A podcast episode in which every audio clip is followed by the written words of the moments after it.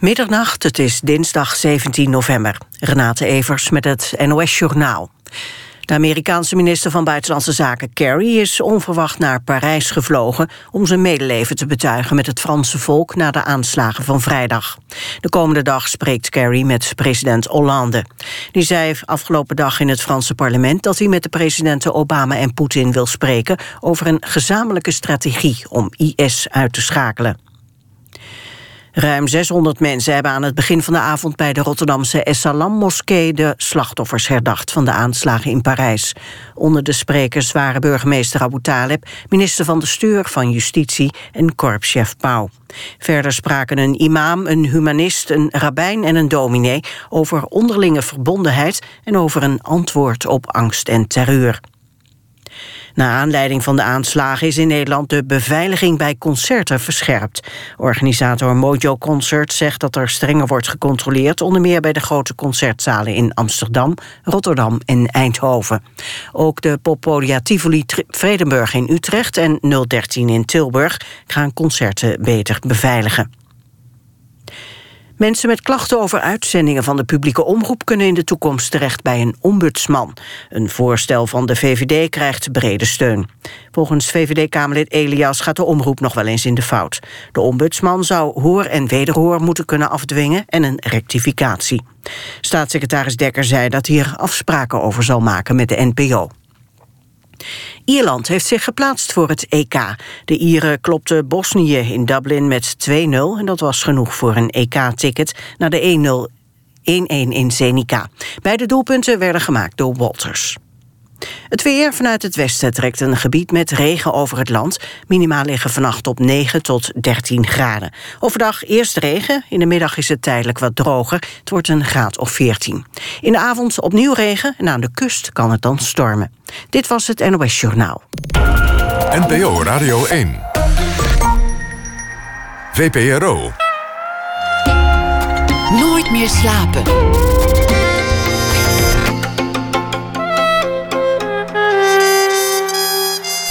Pieter van der Wielen.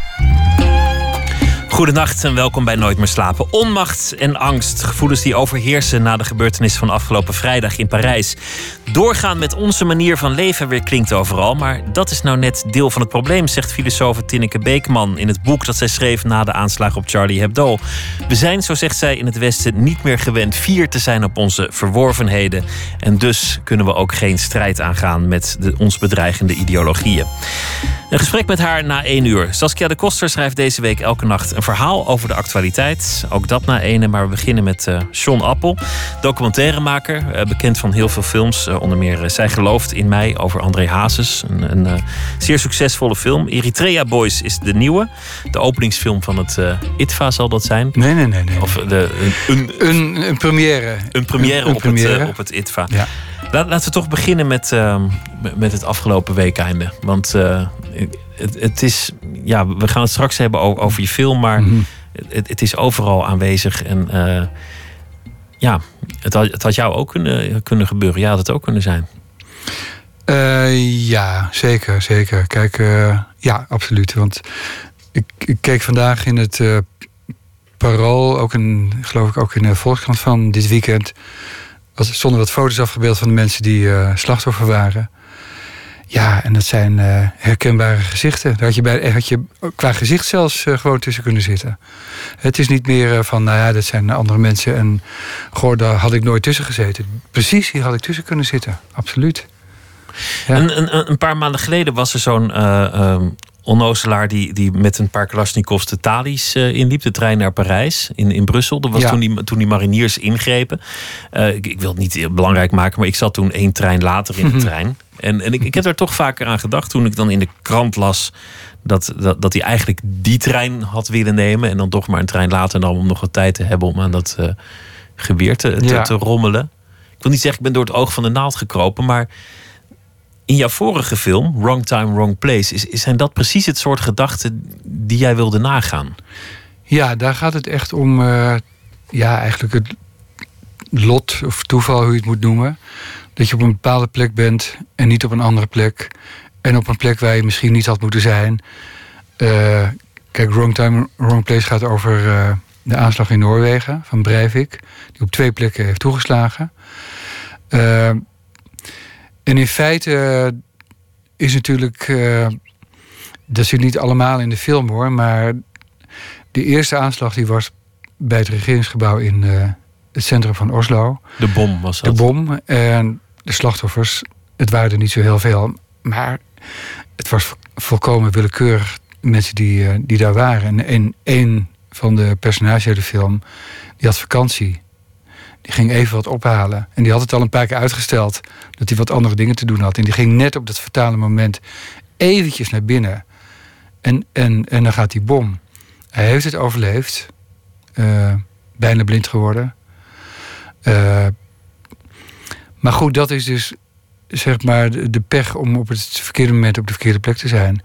En hetzelfde gebeurde natuurlijk afgelopen vrijdag in uh, Parijs. Dit waren de verhalen die je overal hoorde. Mensen die nog konden vluchten uit uh, Le Bataclan en die dan net de linkeruitgang namen in plaats van de rechteruitgang. Of, Ja. of, of mensen die uh, te laat waren of, of die net het restaurant hadden verlaten of dachten van nou het is hier druk, we nemen een terras verder. Mensen gaan ineens enorme waarde toekennen aan, aan dit soort toevalligheden. Ja, terwijl je natuurlijk aan de andere kant die waarde, zeg maar, je, het, het, het kan niet je beslissing voor een volgende keer van zal ik dit terras nemen of toch maar naar het volgende terras gaan. Uh, dat kan het natuurlijk ook weer tegelijkertijd niet, niet, niet, niet bepalen. Want uh, het is zo willekeurig. Ik vraag me bij deze aanslag bijvoorbeeld ook af of die terrassen die ze, die ze uitkozen, of die van tevoren uh, bepaald waren. Of daar ook niet willekeur in zat. Zoals Nee. bij die terrorist er ook een soort willekeur zat in. Want hij moest nog een kaartje kopen. Welke trein neem ik eigenlijk? Ik denk het wel, ja. En uh, kijk, ik kan me voorstellen dat bij de aanslag uh, van in Parijs... dat het stadion en de Bataclan, hè, de poptempel... dat waren uh, plekken die van tevoren uitgezocht waren. Maar de, op, op de weg daar naartoe... Of, of, of, de, of de andere club die dan vanuit een auto... langs een aantal terrassen reed... ik denk dat die eigenlijk redelijk, redelijk willekeurig te werk zijn gegaan. Nou is een, een film maken vergt veel voorbereiding. Je, je, ja. je moet een idee maken, je moet uh, geld regelen, je moet tijd vrijmaken. Uh, je kunt niet zomaar gaan draaien zonder plan. Dat, dat levert zelden iets heel moois op naar ik aan. Nou ja, kan wel. Soms jawel, wel. Jawel, dat heb ik ook wel gedaan. Maar in dit geval, met, met, met die film over zo'n rampzalige gebeurtenis... en dan kort daarna gaan filmen in gesprek met de nabestaanden... over exact die vraag. Hoe lang liep je al met dat idee rond? Ik liep eigenlijk al heel lang met het idee rond om een film te maken over toeval. En eigenlijk, uh, dit was wel het voorbeeld van een film die, waarvan ik van tevoren niet wist uh, wat het onderwerp zou zijn. Het enige wat ik wist is het gaat om een grote gebeurtenis, ingrijpende gebeurtenis. En dat is meestal een ramp. En daarin, op het moment dat dat plaatsvindt, onderzoek, ik de rol van het toeval en het lot, het noodlot, uh, die waar één minuut eerder of later eigenlijk beslist tussen leven en dood. Dus dat plan had ik van tevoren. En ik zat eigenlijk te wachten op zo'n gebeurtenis. Het klinkt een beetje macaber. Maar ik volgde het nieuws. En, uh, dus het, het, had ook een andere gebeurd. Als er een vliegramp was gebeurd die maand, dan, dan was dat de film geworden. Ja, en als, als, ik, als ik. Ik weet niet of ik dat had gedaan hoor. Maar als ik nu met die film was bezig geweest. dan was ik misschien nu naar Parijs afgereisd. Of over een aantal weken. Dat ik niet zo bovenop dat nieuws wil duiken. Maar dat weet ik niet hoor. Misschien is dit, dit een te, te, te beladen gebeurtenis. Ik weet het echt niet. Maar dat heb ik, in Noorwegen nou ja, heb ik het wel toen, gedaan. Dat was net zo beladen eigenlijk. Dat was toen ook enorm, enorm ja. beladen. Hoe heb je dat eigenlijk gedaan? Want. want het, het is een fascinerend thema. Met mensen die, die zich eeuwig schuldig blijven voelen om, omdat ze tegen iemand zeiden: uh, ga een boodschap doen. Of, ja. of omdat ze niet hebben gezegd: uh, ga toch niet. Of nou ja, je, mensen maken daar iets, iets enorms van. En eigenlijk gaat het, zoals jij ook zei, over het, het lot. Ja. En de onbeheersbaarheid ervan. Maar hoe heb je dat aangepakt? Want je, je komt eigenlijk met een hele pijnlijke vraag bij die nabestaanden. En een camera. Nou, niet onmiddellijk een camera. Kijk, op het moment dat het gebeurt, ga ik natuurlijk eerst. Uh, ja, ik kan, ik kan niet met een camera aankomen zetten. Dus ik, ik, moet eerst toch mensen bereid vinden, geschikt vinden. Ook ja, het klinkt ook allemaal heel bizar hoor, bij zo'n gebeurtenis. Maar ik was wel op zoek naar mensen die, voor wie dat, dat, dat, die, die vragen over het had anders kunnen lopen en hadden we maar dit. Uh, heel eh, urgent was. En kijk, een, een, goed, voorbeeld is die. eh, die eh, eh, er zit een, een, een, echt, een echtpaar, stel, ouderstel uit Georgië. En hun dochter die was eigenlijk min of meer toch een beetje bij toeval op dat, eh, dat eiland beland tussen die, tussen die jongeren. Op uitnodiging van een vriendin. eigenlijk een beetje tegen de raad van de ouders in. En zij nemen zich. Kijk, het, het noodlot wil dat zij in, in, in die enorme schietpartij van Breivik zijn allerlaatste slachtoffer was. Nadat hij haar had doodgeschoten, werd hij opgepakt door de politie. De reden dat zij zich niet heeft kunnen redden, heeft te maken met het feit dat ze niet kon zwemmen. Dus het was aan de rand van het water.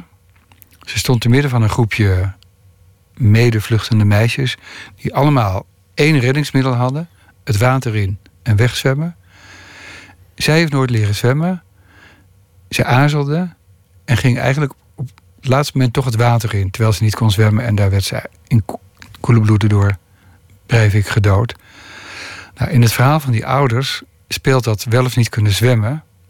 De gemiste zwemles, wat zich keer op keer in haar jonge leven heeft voorgedaan, speelt een essentiële rol in de manier waarop zij nadenken over dit had heel anders kunnen gaan. Dus zij nemen het zichzelf kwalijk dat ze die zwemlessen van hun enige dochter nooit hebben doorgezet. Ze hebben er altijd laten wegkomen met dat ze ziek was of geen zin had. Wat zegt dat? Want, want het lijkt toch een soort noodzaak om, om zin te zien in iets wat totaal willekeurig is. Of om een soort ordening aan te brengen in, in de chaos. Dat is wat je probeert te doen. Je probeert dingen te verklaren. En eh, je probeert zelfs het, het onverklaarbare te verklaren om er vrede mee te hebben. Dus in die film, en dat vond ik interessant aan dit echtpaar. De moeder van dit meisje. Enige troost die zij zichzelf kan verschaffen. Dat is een verklaring zoeken. Voor het feit dat dit hoe dan ook had moeten gebeuren. Dus zij gaat achteraf gaat ze voorspellingen lezen. Eh, oude boeken, Georgische boeken, waarin eigenlijk de dood van haar dochter stond aangekondigd. Dus het had niet anders kunnen lopen dan zo. Dan, dan ben je jezelf eigenlijk onnodig aan het pijnigen. Onnodig ja, aan of je, nou, of je bent je aan het troosten. Je, je, je, je troost je bij de gedachte dat kennelijk er een hoger lot is dat bepaalt hoe dingen verlopen. En dat jij uiteindelijk met jouw gemiste zwemlessen toch niet, voldoen, toch niet de, de, de, de schuldige bent aan het feit dat het zo gelopen is. Dus ik zie het wel eens als een manier van, eh, van troost eh, vinden. Wat heeft die film jou geleerd? Wat heeft die film mij geleerd? Dat, nou eigenlijk dit, dat de acceptatie van, van het lot, het ergste lot wat je kan overkomen, namelijk de dood van je, van je dierbaren, dat het, dat, dat werkelijk eh, door iedereen op een andere manier beleefd wordt. Eh, dat het zelfs mogelijk is om een, nou ja, laten we zeggen, een onmens als Breivik. Eigenlijk die meer te zien als een speelbal van het lot dan als een meedogenloze killer. Dat het, dat het dus eigenlijk lukt om over de schaduw van, van je, je, je, je meest nou ja, je, basale instincten die, die, die zeggen van, eh, van eh, die man moet de ergste straf en de ergste marteling krijgen. Nog niet erg genoeg voor wat hij al deze kinderen heeft aangedaan. In het zoeken naar je poging om je verdriet te verzachten, kun je daar overheen stappen. Hij is ook eigenlijk de grote afwezige in, in die film. Ja. Het, het gaat eigenlijk niet over wat dreef hem. Had dit voorkomen kunnen worden? Wie was die man? Waarom heeft iemand hem opgemerkt? Waarom was de politie niet op tijd? De, de hele realistische vragen die blijken eigenlijk niet zo'n grote rol te spelen. Of was dat een keuze van jou als filmmaker? Nee, dat is een keuze van mij. En eh, ik heb ook, het viel mij wel op hè, bij de mensen die, die, die eh, over hem spraken, dat niemand, werkelijk niemand, zijn naam genoemd heeft. Dat vond ik echt opvallend. Dat Hij was al het lot geworden, het noodlot. De, hij was taboe verklaard. En eh, toen je net zei van, het, van de, de, in Parijs is het, het, het leven moet doorgaan. Eh, kijk, voor de Noren gold heel sterk, heel sterk, nog steeds. We laten ons niet op onze kop zitten door één zo'n gek. Het leven gaat door. Eh, wij worden geen andere samenleving. We worden, we worden niet een haatsamenleving. Die man krijgt een eerlijk proces. Die man krijgt uh, psychiaters die onderzoeken of hij toerekeningsvatbaar is of niet. Allemaal zoals iedereen het zou krijgen. En hij krijgt zelfs een straf die past bij wat iedereen ook zou kunnen krijgen. Ze beleven trouw het systeem. Nou is het verschil natuurlijk met Parijs dat het, dat het hier gaat om een, uh, een grote internationale beweging die erachter zit. Dat er uh, vermoedelijk duizenden van dit soort jongeren in, in Parijs zijn in ja. staat tot dit soort aanslagen. Ja. Of in ieder geval uh, gecharmeerd van de, de, de, de haatdragende ideologie erachter. Dus, dus er zijn wel verschillen. Wat, wat zijn eigenlijk de thema's in jouw films? Want ik noemde André Hazes. De, dat is een, een film die een gigantisch succes is geworden. Je hebt, je hebt films gemaakt over de laatste overlevenden van de Eerste Wereldoorlog. Over uh, paardenraces. Je hebt uh, over, over gokken, over je vader. Daar gaan we het straks ook over hebben. Um, nu over, over Eritrea en een gevlucht voetbalteam. Is er eigenlijk een, een thema dat eronder ligt? Gaan jouw films altijd over dezelfde onderliggende Nou, ze hebben, hebben wel dezelfde teneur. Um, ze zijn over het algemeen um, behoorlijk, vind ik zelf, weemoedig van uh, toon. Dus het, het, het, het, het, uh, het gaat heel erg over herinneringen.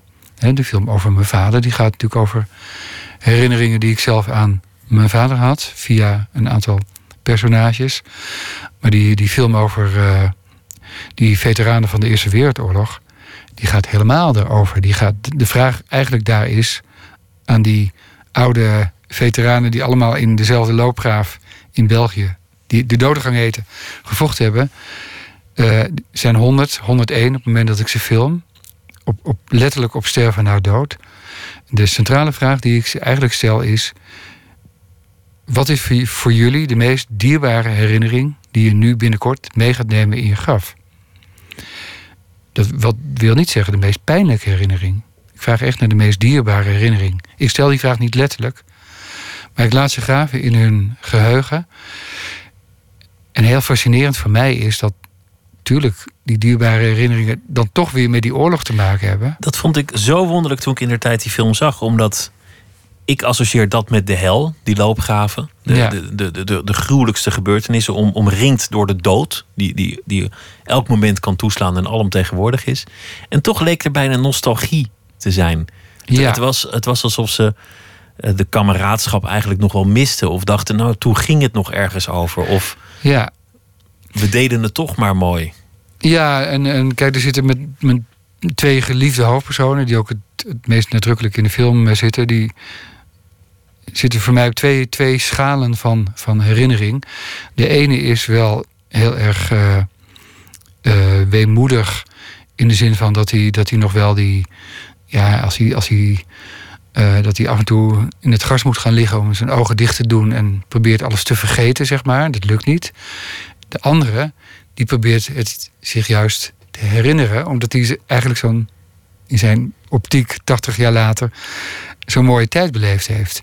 En die vond het feit dat de plek waar ze zaten uh, op enorme dichte afstand van de Duitsers was. Ze konden ze echt letterlijk horen. Dat vond hij nog, eigenlijk nog spannender dan wanneer ze daar ver weg hadden gezeten. Dus voor de ene is het een jongensboek en voor de ander is het een, uh, een weemoedige herinnering die hij probeert te vergeten. En dat zijn voor mij de twee kanten van, van herinneren. Weemoed komt altijd terug in je films en eigenlijk ook wel de dood. De dood is een echt groot thema. Ja, de dood van mijn vader, de dood van deze uh, veteranen die nog niet dood zijn, maar die de dood in de ogen hebben gekeken in, in die tijd en nu, nu de dood tegemoet gaan. Uh, de dood van Breivik, die. Uh, de dood van de slachtoffers van Breivik? De dood van de slachtoffers van Breivik, ja, de dood die die veroorzaakt heeft. ja, dood. eenzaamheid is een thema. André Hazes is voor mij niet het portret van een. ja, portret van een volkszanger, maar het is ook vooral het portret van een, een eenzame held. Meer nog, die kant heb ik belicht. De portret van mijn vader is ook het portret van een eenzame gokker. Dus die kant is ook heel, heel nadrukkelijk aanwezig in. Uh, we gaan het uh, straks hebben ook over de nieuwe film, maar natuurlijk ook over, uh, over die vader. Um, en omdat het over gokken gaat, een prachtig liedje dat is geschreven over uh, gokken van Ray Charles. En het heet Blackjack. Now let me tell you people about this blackjack game. It's caused me nothing but trouble.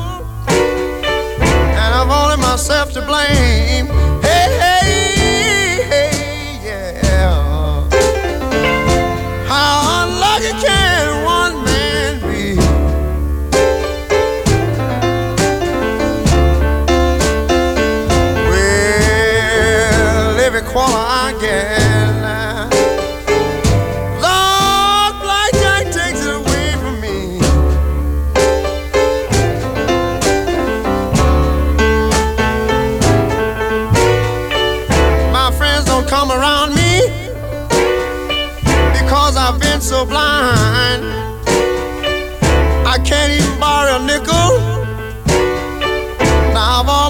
Lost my mind.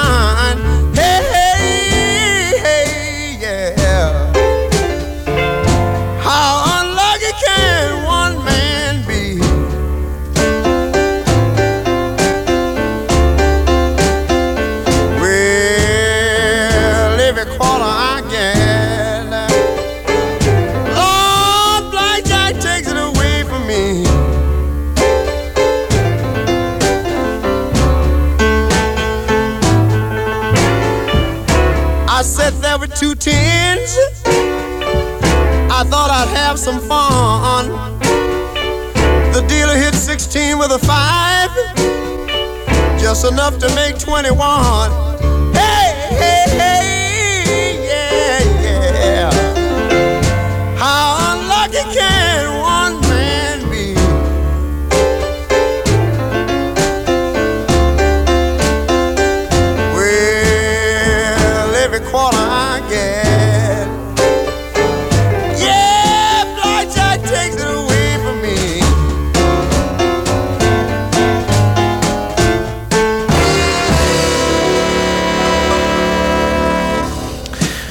Ray Charles, Blackjack, over uh, het uh, gokken. John Appel zit tegenover mij. Hij heeft een uh, film gemaakt, de Eritrea Stars, die in première zou gaan op het documentaire festival ITVA. We hebben het net gehad over Wrong Time, Wrong Place, een film over de slachtoffers van Breivik en de nabestaanden en het, het lot. Je zei het gaat vaak over weemoed, Ja. mijn, mijn films. Jouw, jouw vader was een, was een gokker. Dat, dat was nou ja, zijn hobby, zijn verslaving, zijn roeping, zijn karakter. Ja. Eigenlijk alles. En min of meer ook zijn, zijn beroep. Ja. Daar heb je een film over gemaakt, The Player. Dat gaat eigenlijk niet alleen over je vader, maar over een bepaald profiel man. Hoe, hoe, hoe zou je dat profiel omschrijven? Ik zou dat willen omschrijven als eh, mensen voor wie. Kijk, eh, bij gokken denk je aan, aan, aan iemand die, die, die maar één ding wil: dat is geld. Dat winnen.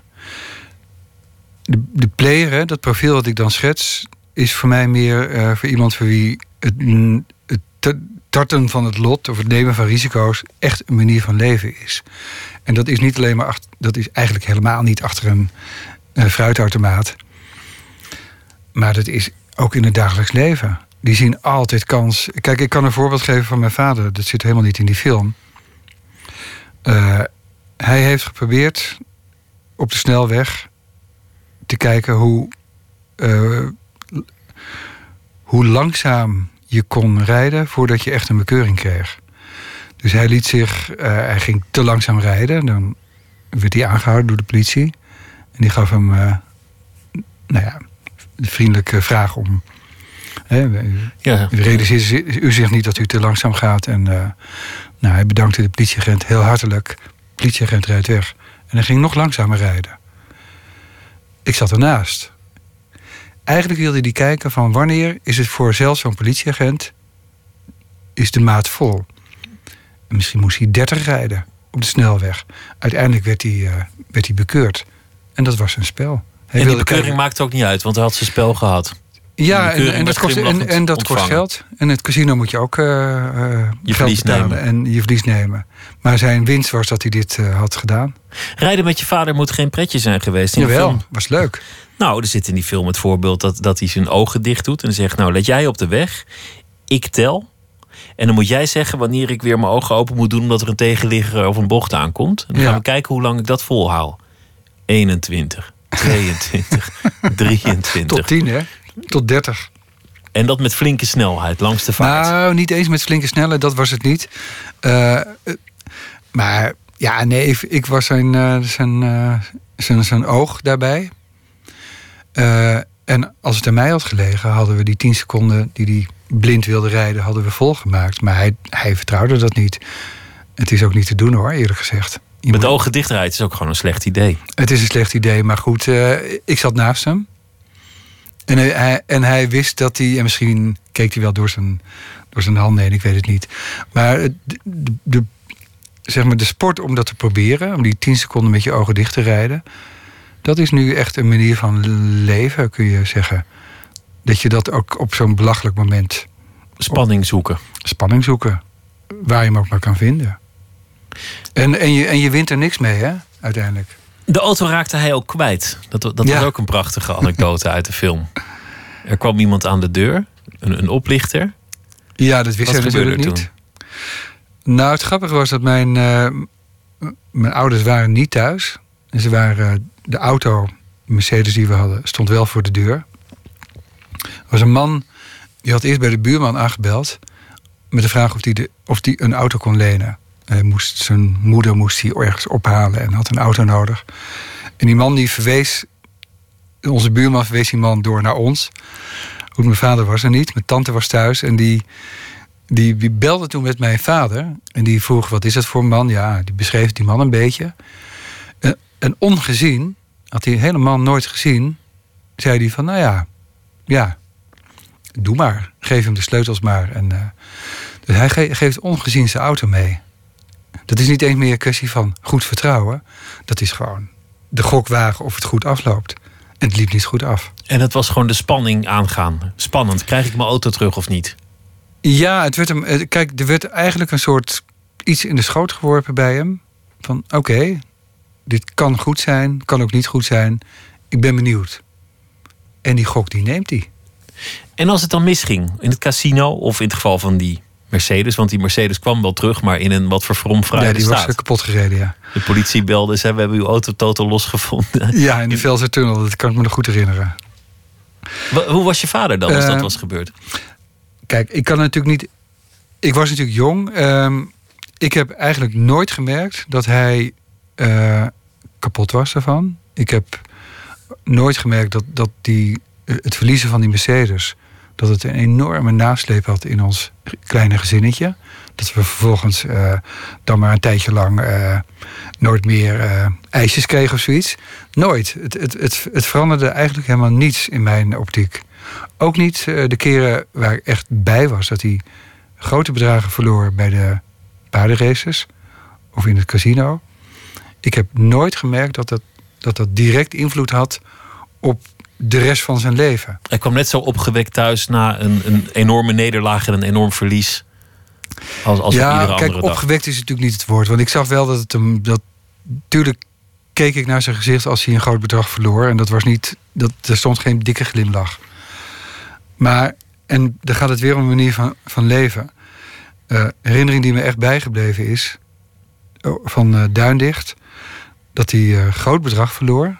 Toen, 10.000 of 20.000 gulden. Dat is echt veel. Eh, eh, in, één, in één klap, één race.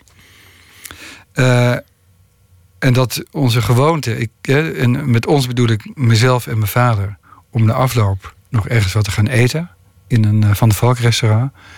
Dat deden we, ondanks dat verlies, dat deden we ook. We gingen daar toch naartoe. Ik had verwacht dat we dat niet zouden doen. Ik vond het ook een beetje zonde.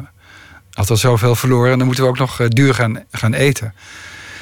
En zijn opmerking van. eh, nou ja, weet je, bij zo'n verlies kan zo'n biefstukje er ook nog wel van af.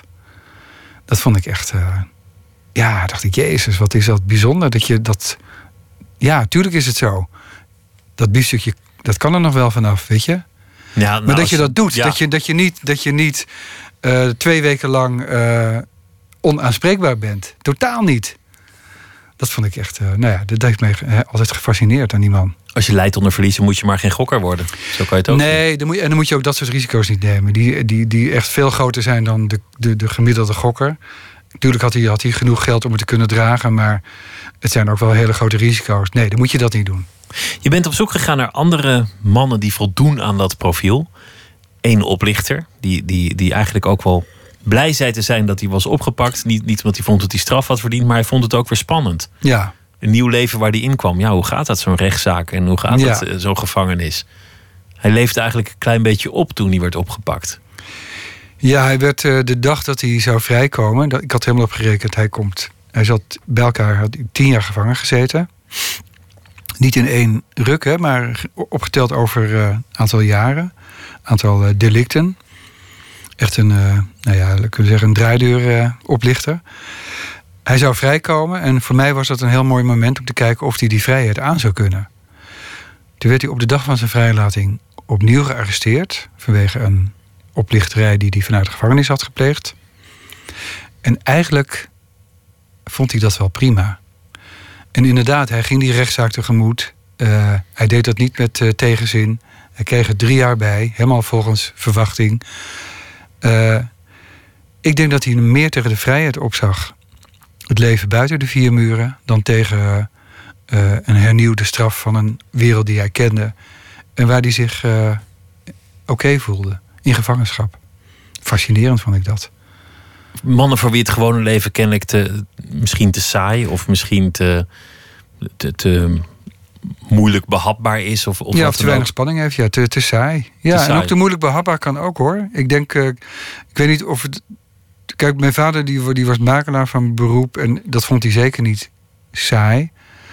Eh, alleen hij zocht wel binnen dat beroep zocht hij ook wel de, de, de, de, de, de randjes op. Het speculeren met huizen op een manier die eigenlijk niet toegestaan is voor het beroep makelaar. Ja, dat kon hij eh, niet laten en daar is hij ook eh, op, op gepakt. Jullie zijn failliet gegaan eh, thuis. Jullie, jullie hebben moeten verhuizen. Eh, het, het is allemaal ontzettend slecht afgelopen Ja, met, met je vader. Je vader had een systeem in het casino ja. bedacht. Hij, had, hij, hij schreef jou een brief. Hij zei: Ik heb het opgelost. Eh, ik, sterker nog, ik, ik heb een, een, een uitvinding. Hij vergeleek zichzelf alvast maar met Columbus. ja het, ei, het vast- ei van Columbus had hij eh, uitgevonden of gevonden. Jij geloofde dat tegen die tijd al niet meer. Het, Nee. het was voor jou niet bepaald een voorbeeld, je, Nee. vader. Nee. Wat was nou het ja, systeem? kijk, wat ik. Wat ik oh, ja, ik kan, ik kan het. Wil je het systeem dat ik het uitleg? Het is heel Wat makkelijk uit te leggen volgens mij. Eh, ja, ja, het is wat hij deed. Hij speelde. Het heet Simple, Sample. Dat zijn zes getallen tegelijk. Dus 1 tot en met 6 of 7 tot en met 12. Hij wachtte eerst eh, af tot de tafel, roulette tafel, twee keer eh, een, een getal uit zo'n zestal eh, had laten zien. Hè? De kans dat het een derde keer zou gaan gebeuren was in zijn optiek kleiner. Dus hij zette dan in op, op, op dat vak waar hij het, twee keer eh, mis was gegaan. Daar werd geld op ingezet, plus vier omringende vakken. Dus hij zette vijf van de zes vakken vol. Dus het risico was 1 op 6 dat het fout ging en 5 op 6 dat het goed ging. Ging het niet goed, dan ging hij het vervijfvoudigen. Ging het weer niet goed, ging hij het vervijfentwintigvoudigen. Kortom, hoe slechter het gaat, hoe hoger de inzet. Ja, en dus eigenlijk een, een hoge inzet voor een klein risico, maar ook een kleine winst. En eh, dat gaat heel vaak wel goed. Dan win je een klein beetje. Op het moment dat het misgaat, dan verlies je heel veel. Eh, dus tegen ehm 25 keer winnen is één keer verlies voldoende om dat, die, hele winst te, niet te doen. Nou, het casino is helemaal ingesteld op dit soort eh, kansberekeningen. Eh, Er is geen winnend systeem natuurlijk. nee, er is geen, nee, er is geen enkel winnend systeem in het casino. En het maakt ook niet uit hoe je het bedenkt, zeg maar. Dus dat ei van Columbus bedenken, wat, mijn vader deed. Daar had ik voldoende eh, gokliteratuur over gelezen. Dat meerdere zijn hem voor geweest die ook dachten dat ze het casino de baas konden zijn. Nou goed, hij was er dan één in die reeks. eh, ja, gekken, mag ik het wel zeggen. Winnen in het casino kan niet. Dat is onmogelijk. Toch ben je zelf na zijn dood, met, met, met, met al het geld dat je bij elkaar kon sprokkelen, naar het casino gegaan. om volgens zijn systeem te spelen. Je wilde Ja. toch nog één keer in die voetstappen van je vader. Ja, Wa- waarom was dat? nou eigenlijk daarom. Ik had wel meegekregen, ik kijk die, die, die, wat ik hem dan toch een beetje als, eh, nou toch wel een bijzondere manier van leven vond om die risico's aan te gaan en ze ook te, en ook het verlies te nemen zoals het komt. En je komt niet om te verliezen, je komt om te winnen. Je gaat, er dat je, je gaat er niet vanuit dat je het verspeelt. Maar om dat toch te kunnen dragen, ik wou dat zelf ook voelen hoe dat is. Ik kwam om te winnen. Ik nam dezelfde grote risico's als hij gewend was om te nemen, die ik hem heb zien nemen. Eh, en het ging niet goed. Ik bleek alleen niet in staat, dat merkte ik. Ik kon dat helemaal niet, niet dragen zoals ik dat hem had zien dragen. Hoeveel, hoeveel eh, geld ben je verloren die dag? Ja, ik weet het niet meer precies, maar eh, het, het, volgens mij was het ongeveer 36.000 of 35.000 gulden. Dat is een fix bedrag. Ja, en zeker. Voor, ja, en eh, in, in, Maar je wilde binnen, weten of- binnen, binnen no time ook. Je wilde weten of jouw vader in jou zat. Of of jij zelf eigenlijk net als hem was. Ja, ik, en, eh, ja en, en er maakte zich ook een, toen ik er naartoe ging, een gekte van mijn meester dat ik een soort ingeving kreeg. eh, het is nu of nooit. Ik ben enorm snel op de fiets gestapt naar het Holland Casino in Amsterdam om eh, het moment, momentum niet te verspelen. Dat is echt een waanzin. Er is geen momentum, en, eh, ook niet een ingeving. Maar die kreeg ik naar mijn gevoel wel. Ja, daar was ik dus na één avond van genezen. Dus het was een combi van die ingeving en een beetje in die voetstappen van mijn vader treden. Omdat toch een soort voorbeeld was misschien. En misschien ook een soort anti-held. En, en je eigenlijk daartussen nou ja, een anti-held omdat ik natuurlijk wel weet dat het hem, wat het hem gebracht heeft. Namelijk, eh, hij ging er aan onderdoor. Maar dat heeft wel heel lang geduurd. En ik heb wel heel, natuurlijk, ik ben groot geworden met een vader die op die manier mij wel heeft laten zien dat. Kijk, dit, dit is casino, hè, maar een leven leiden dat niet van zekerheden uit, uitgaat. En dat niet per definitie vindt dat alles moet bedacht zijn en goed gecheckt eh, voordat je iets doet. Dat is ook, ook een type risico dat ik zelf kies. Ik, ik, eh, ook de manier waarop ik eh, films maak. Ik weet vaak helemaal niet van tevoren waar ik op uitkom. Er zit vaak enorm risico in het onderwerp wat ik bedenk. Dat is soms niet goed genoeg uitgedacht. En toch ga ik ermee door. Dat is het risico van mijn vader. En je neemt geen genoegen met het gewone leven. Met het gewone verklaarbare alledaagse leven. Je, je bent toch op zoek naar een, een ander verhaal dat misschien net iets spannender, net, net iets interessanter of net iets meer buiten de orde is. Ja, en die, ik zoek die mensen op in de, in, in de personages die ik vind. Maar het zit hem ook, ook wel echt in, de, in mijn manier van werken. Dat ik ehm, over het algemeen zijn het geen, eh, wat ik al net zei, het zijn geen, geen uitgedachte films waarbij ik alleen maar een soort, bij het filmen, een soort van tevoren bedacht boodschappenlijstje hoef te doen. Als jij een film maakt over André Hazes, een van de succesvolste documentaires in Nederland ooit gemaakt. Een, een film die ook enorm heeft bijgedragen aan hoe wij André Hazes met z'n allen zijn gaan bekijken. Dat zie je ook in die, in die speelfilm terug, in, in de musical terug. Ja. Maak je dan eigenlijk ook een film over jezelf? Ehm, ik maak, ja, eigenlijk. Kijk, ik maak natuurlijk niet een film over mezelf, omdat het wel iemand is die, die voor mij. Kijk, ik kan me in hem verplaatsen, maar ik kan me niet vereenzelvigen met André Hazes. Het gaat wel degelijk over hem en zijn worsteling. Ja, en, en alleen de hij- worsteling, gewoon de worsteling die, die hij heeft. eh, zeg maar, die, die andere kant van, van wat hij goed kan, dat is wat hij niet goed kan. Ja, in die zin gaat het. Dat, dat is wel ook iets wat ik, wat ik natuurlijk herken. Ik herken ook worsteling tussen, tussen de dingen waar ik goed in ben en de dingen waar ik moeite mee heb. En, maar dat is niet alleen André Hazes hoor. Dat is ook een. Ook, ook een eh, Dat heeft ja, iedereen. noem, het, noem het maar een soort menselijk tekort. Dat is wat ik, wat ik bij anderen zie en bij mezelf herken. In het geval van Hazes was, was het een, een, een tragische film, omdat die man, eh, ehm, hij worstelde met zijn drank, met zijn eenzaamheid ehm, en met dat publiek. Willen ze me nog wel, met die, met die enorme zenuwen. Ja. En uiteindelijk doet dat publiek het, het ergste dat een publiek kan doen. Namelijk bij een of ander slecht georganiseerd concert ergens in Spanje massaal wegblijven. Ja, Dat is, dat is natuurlijk het ergste wat een publiek kan doen. Gewoon helemaal niet komen. Ja, eh, ja.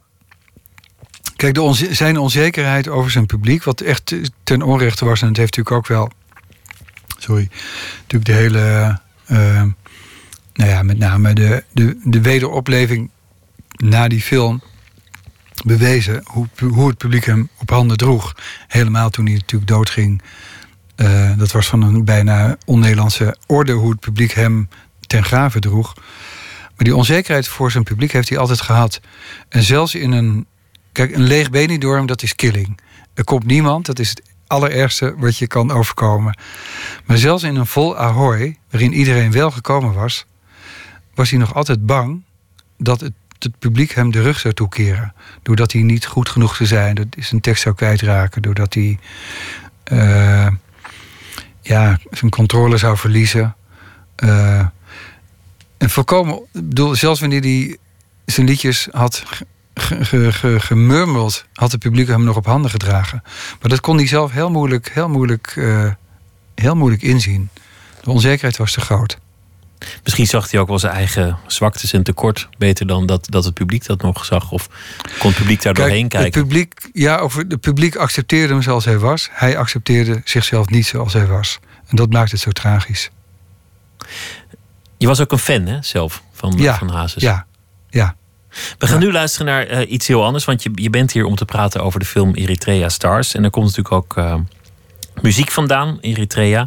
We gaan luisteren naar eh, de Asmara All Stars. En het nummer heet Amajo.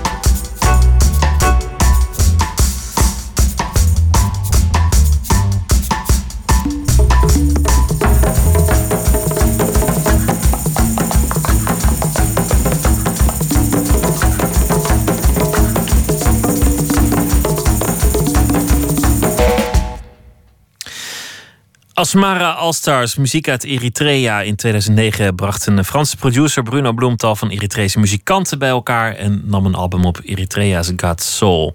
En het nummer heette Amayo. Eritrea Stars is uh, de titel van de film van uh, John Appel, die tegenover mij zit. Een film die in première zou gaan deze week op het, uh, op het ITVA.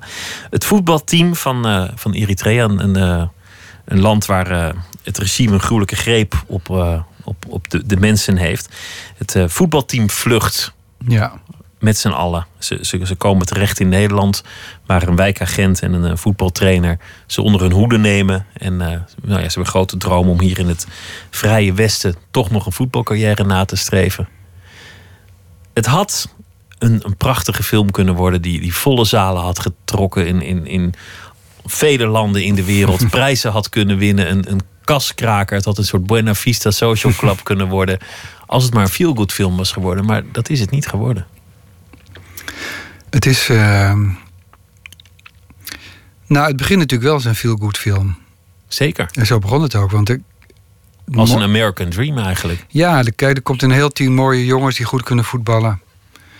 En ze zien er top uit. Die, die, die, die komen op uitnodiging van de Nederlandse regering naar Gorkum toe. Dat is de plek die wordt bepaald. Of, of de burgemeester wil ze opnemen. En dat is een bezienswaardigheid. Dat is, wij zijn heel wat gewend, maar zo'n Eritrees, zo'n heel team, het nationale team, dat is een, dat is een, nou, een exotische bezienswaardigheid waar allerlei, uh, alle, clubs eigenlijk, of alle clubs een beetje overdreven, maar waar clubs heel graag tegen willen spelen. Heel graag wilde, wilde een club oefenen tegen het nationale team van Eritrea. Want zo'n oefenwedstrijd heb je nou normaliter nooit. Uh, die wijkagent en die trainer, zelf ook een immigrant uit Italië, die ontfermen zich ook over dit team. En, en, en echt met de gedachte om, om deze jongens uh, de toekomst te geven. Uh, die ze misschien in hun mars hebben, namelijk op voetbalgebied. Dus het begint als een feel-good movie. En het heeft er ook alle schijn van dat het ze gaat lukken. Het beginverhaal is natuurlijk al heel mooi. Dat, dat, kennen we nog uit de tijd van het, van het Oostblok. Dan gebeurde dat ook wel eens. dat, dat een hele fanfare of een heel klassiek orkest of, of uh, een paar turners gewoon niet teruggingen nadat ze een keer uh, mochten optreden in het buitenland. Zo'n verhaal was dit eigenlijk ook. Ja, het was nu een heel team natuurlijk. Hè? Dat is wel ja. meer dan een enkele violist of een. Uh, ja, een, eenzelfde verhaal, absoluut. Hoe kwam dat op jouw pad, dat, dat verhaal? krantenbericht. En toen dacht je meteen: dit is een mooi verhaal, die wil ik volgen. Ja, ook omdat ik het bericht dat ze gevlucht waren in Oeganda in 2012, dat had ik ook gezien of gelezen. En het bericht dat ze in Nederland waren, anderhalf jaar later, had ik binnengekregen. Het was hetzelfde team. Dus mijn eerste fascinatie was van... oké, die zijn anderhalf jaar on the run geweest. En nu zitten ze hier. Uh, wat is er met ze gebeurd? En uh, weten ze eigenlijk wel waar ze beland zijn? Dat was natuurlijk ook wel de vraag. Ben je anderhalf jaar op de vlucht voor, voor je regime om in Gorkum te belanden? Is dat, is dat het doel geweest? Hoe is het gebeurd? Um, ja, uh, ja, ik dacht onmiddellijk, ja, dit is een uh, film. Deze jongens willen natuurlijk uiteindelijk gewoon voetballen. En ze ja. willen natuurlijk uiteindelijk gewoon doen waar ze goed in zijn. Dat kon niet in Eritrea. Ze waren bang onder meer voor de dienstplicht. Uh, ze, ze, waren bang ook voor, voor andere maatregelen van het regime die hun leven, maar ook die, die voetbalcarrière in de weg uh, stonden. Vanaf dat moment ontvouwt zich hier dan een, een, een soort American Dream. Een van de moeilijkheden die jij al tegenkomt, is dat je eigenlijk niet goed met ze kunt praten over wat er nou precies aan de hand was daar in Eritrea. Je, ja, je nou, niet, goed, niet, niet goed, helemaal niet. Je krijgt het er niet uit. Nee, het is geen kwestie van dat ik het niet uitkrijg. De, de voorwaarden waaronder ze wilden meedoen... en het heeft ook nog een tijdje geduurd voordat ik ze überhaupt kon benaderen. Wat voor mij eigenlijk een pre was. Toen ik het bericht kreeg dat ze in Nederland kwamen... kwam er tegelijkertijd een bericht overheen. Ze willen absoluut de pers stilte. Ze willen niet met de pers praten. Met niemand. Ik heb ook een tijdje gewacht en via contact heb ik ze pas na een maand benaderd. Ze wilden wel met mij spreken. En er werd één voorwaarde aan verbonden: het gaat niet over politiek. En die heb ik geaccepteerd. Er zitten in de film zeker een paar pogingen om de politieke sluier te lichten. Maar onmiddellijk blijkt dat ze daar niet van gediend zijn. Dus dat is eigenlijk een beetje conform de afspraak. Ehm, Uit angst waarschijnlijk, want, want je hebt een, een, eh, een journalist die al heel lang in Nederland woont uit Eritrea, Haptom Johannes, aan het woord gelaten, die dat prachtig uitlegt. Hoe, Ja. hoe dat werkt, hoe het in elkaar zit. En een van de dingen die toch ook blijkt, is dat jij bent misschien hier wel veilig, maar de familie daar is dat nog niet. En ze houden je wel degelijk in de gaten hier. ja, Dat is een van de redenen waarom, waarom ze waarschijnlijk denken, nou, ik. ik het is beter om niks te zeggen dan om wel iets te zeggen. Je weet nooit wat de consequenties kunnen zijn. En vanuit die angst eh, heeft het hele team besloten: we zeggen niets. Dus ook echt, daardoor is het ook een team. Maar ze vertrouwen elkaar ook niet, volgens mij. Eh, ja, nou ja, dat is een, een, iets wat ik heb, heb ervaren, wat ik niet, niet, niet onmiddellijk eh, door, kon ik ook niet doorhebben. Het feit dat ook, ook ze uit een cultuur komen van wantrouwen. En Hapton Johannes, de journalist, zegt het zelfs van. eh, binnen een familie kan een vader zijn zoon niet per definitie vertrouwen. Dat betekent natuurlijk ook dat die, die, die, die spelers, die 16 spelers, niet per definitie elkaar kunnen vertrouwen. Dus ook daar zit een wantrouwen. Dus het kan ook nog eens een keertje zo zijn dat de een eh, iets verkeerd zegt wat ten nadele is van de ander. Dus het besluit is namens het hele team genomen. We zeggen helemaal niets met z'n allen. Ze komen in eh, de procedures terecht. Ja. procedures die zijn eh, eh, moeilijk, ingewikkeld, die duren lang. Nou heb je als topsporter een paar jaar waarin je op je piek bent. In het begin zijn ze hongerig, ze trainen elke dag opnieuw. Maar je ziet dat de ledigheid toeslaat, dat de frustratie het overneemt, dat het vertrouwen afneemt. Dat eigenlijk de termijnen die ze in hun hoofd hadden nog maar het begin waren. Heb jij tijdens het, tijdens het filmen ook gemerkt dat, dat de droom die je aan het filmen was eigenlijk aan het vervliegen was? Ja, ja. Kijk, ze spelen. eh, ze speelden alleen maar vriendschappelijke wedstrijden. Dat is in zekere zin wel frustrerend. Want dan gaat het nergens om. Ze speelden weliswaar ontzettend fanatiek en tegenstanders waren gemotiveerd. Maar het was niet de competitie waarop ze ge- gehoopt hadden. Ze komen erachter dat die competitie, die is er wel. Dat is bijvoorbeeld eh, de topklasse van de amateurs... of misschien wel de eerste divisie van het betaald voetbal. Maar daar, kun je niet, kunnen ze niet zomaar de team in neerzetten. Ze moeten zich die plek van onderaf naar boven toe veroveren. Dat gaat veel te langzaam. Uiteindelijk is er één speler die, die, die getransfereerd wordt naar hè, de absolute ster van het team. Dus ze raken ook een sterspeler kwijt. Die gaat naar Kozakke Boys toe. Beste amateurclub van Nederland zo'n beetje. Daardoor wordt het team zwakker. En komt er binnen die groep ook een beetje het gevoel van... maar wij gaan als team nooit hier onze droom waarmaken. We worden alleen maar slechter. Eh, dus dat bezorgt bij de andere spelers ook wel een beetje het gevoel van... nou, nu moeten wij ook maar een beetje onze eigen weg zien te kiezen. Anders dan blijven we met lege handen achter. Eh, en dat gebeurt eigenlijk in, in no time. Binnen, binnen negen maanden, dat is de tijd dat ik heb gefilmd... is dat hele team uit elkaar gevallen. We gaan niet het einde verklappen, maar de, de, de droom waar je zo op zou hopen bij zo'n film. Van, van uiteindelijk het winnen van de, de beslissende wedstrijd en, en, en een grote beker. Die, eh, die laat nog altijd op zich, eh, op zich wachten. Deze film gaat eigenlijk van een andere zijde precies over de thema's die je in je andere film speelde. Namelijk, hoe geef je een soort duiding, een soort zin, een soort richting aan, aan het bestaan. Ja, ja, dat klopt. Ook deze jongens die proberen... Kijk, die moeten noodgedwongen dat bestaan opbouwen in Nederland. En die hebben één voordeel boven elke gemiddelde vluchteling. Ze kunnen heel goed voetballen. Als dat ook nog eens een keertje wegvalt... dan moeten ze echt wel... dan is het weer die worsteling. Ze moeten zich worstelen door die Nederlandse samenleving heen zien te manoeuvreren. En dat is eh, niet de droom waarop ze hadden gehoopt. De film is onverwacht heel actueel geworden. Want jij, jij begon, Ja. het, het idee kwam al in 2012 of 13. En, en nou ja, dan begin je met draaien. En, en die, die vluchtelingencrisis zoals die nu zich openbaart... was toen nog absoluut niet aan de hand. Nee. Niet, niet op dit niveau. Ja, Daarmee is de film geworden die eigenlijk langs een heel duidelijk handvat... iets zegt over, over nou ja, hoe, hoe gruwelijk het moet zijn... om, om in zo'n procedure vast te komen zitten. Een, een leven tussen de papieren. Ja, en ook wel hoe moeilijk het is. Want natuurlijk het geluk wat het team heeft gehad... is dat ze eh, ook weer meer dan een gemiddelde vluchteling geholpen werden. Juist omdat ze zulke leuke jonge voetballers waren. En er lag een toekomst met het team. de wijkagent en de trainer die hebben echt gedacht: wij gaan dit team eh, op de kaart zetten in Gorkum en buiten Gorkum. Al die goede bedoelingen, die hebben uiteindelijk ze toch niet gebracht wat ze hadden gehoopt.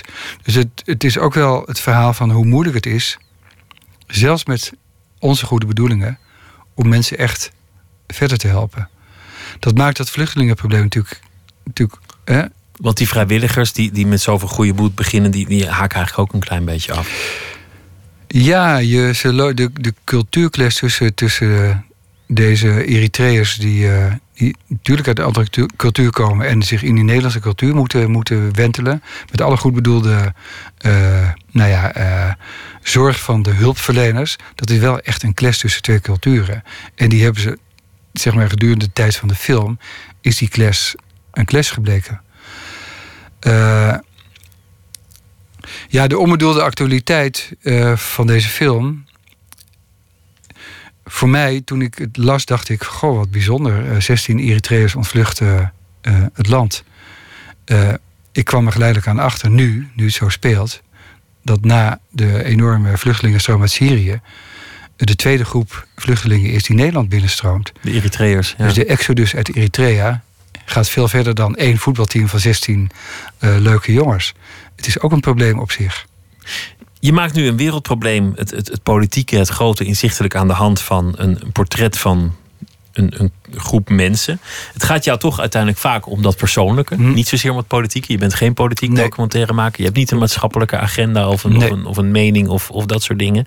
Het gaat jou eigenlijk over de vraag hoe houdt iemand zich staande? Ja, Wat is iemands zin in het leven? Welke Ja. wortel hangt er bij die ander aan, aan de stok? Je noemde het een personage net. Je had Ja. het over An- André Hazes en het was jouw personage. Oh, personage, hoofdpersoon. Hoofdpersoon. Ja. En, en als jij zelf een personage bent, want, want je, je filmt iemand, je volgt iemand, je hebt misschien een verwachting, een script, maar uiteindelijk gaat Mhm. het toch anders. Dan ga je nadenken over iemand, wat, wat houdt iemand aan de gang? Hoe zit dat bij jou zelf?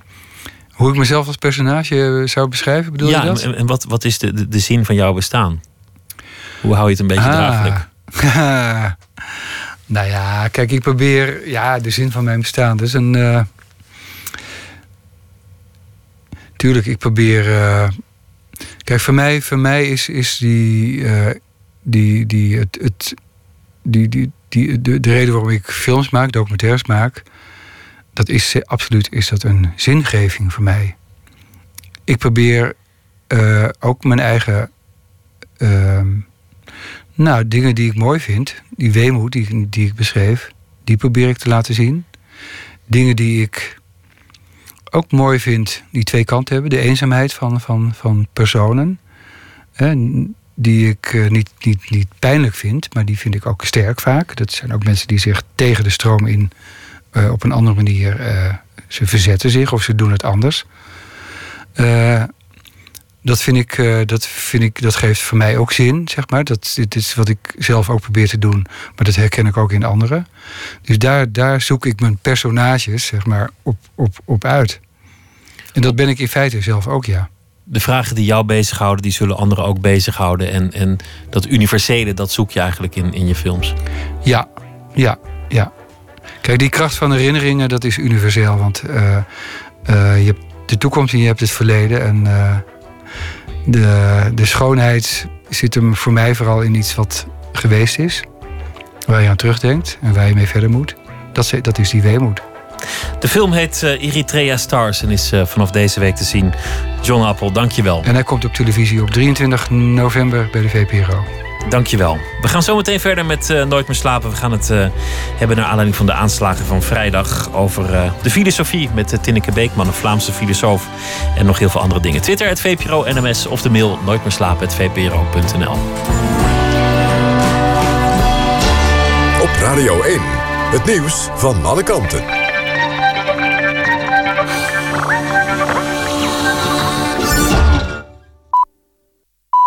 1 uur. Renate Evers met het NOS Journaal. Het vriendschappelijke duel tussen België en Spanje in Brussel gaat niet door wegens terreurdreiging. De wedstrijd zou komende avond worden gespeeld. De Belgische regering zegt dat de kans bestaat dat een van de terroristen achter de aanslagen in Parijs een aanslag gaat plegen in België, maar er zijn geen concrete aanwijzingen.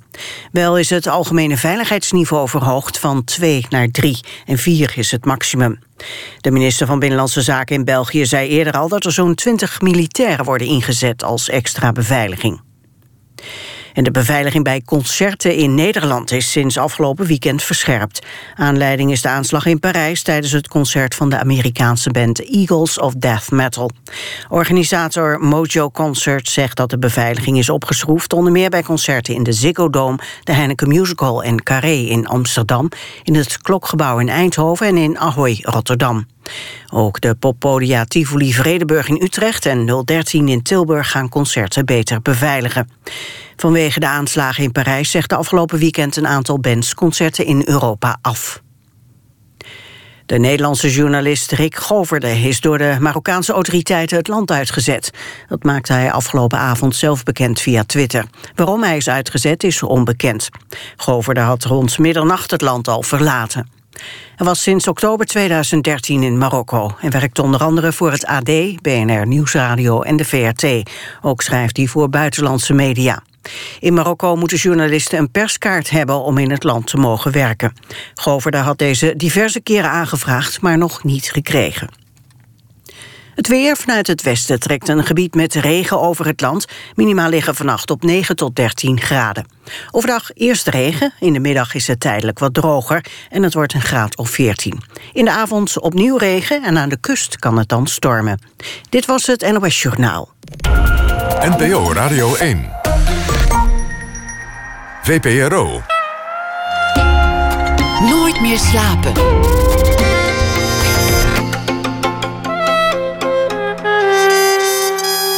Met Pieter van der Wielen. Straks een gesprek met actrice en zangeres Wien Helitzer over The Missing Beat. Een voorstelling die ze gemaakt heeft over haar vader, Piero Helitzer. Een man die omging met beroemdheden als Andy Warhol en Jack Kerouac. Schrijver Abdelkader Benali, die spreken we over het werk van de Marokkaanse zonderling Mohamed Choukri en hun gedeelde liefde voor de stad Tanger. Maar we beginnen met Saskia de Koster, schrijfster uit Vlaanderen. Zij eh, zal deze week elke nacht een verhaal schrijven over de voorbije dag. Schreef meerdere boeken, de eerste in 2002. De titel was Vrije Val. En haar laatste boek, Wat alleen wij horen, verscheen uh, afgelopen najaar. Goedenacht Saskia. Hallo, dag Pieter. Nou, een verhaal schrijven bij de actualiteit. Uh, ja, dan is het vrij duidelijk waar het waarschijnlijk over gaat. Want uh, wat een gruwelijk weekend was dat.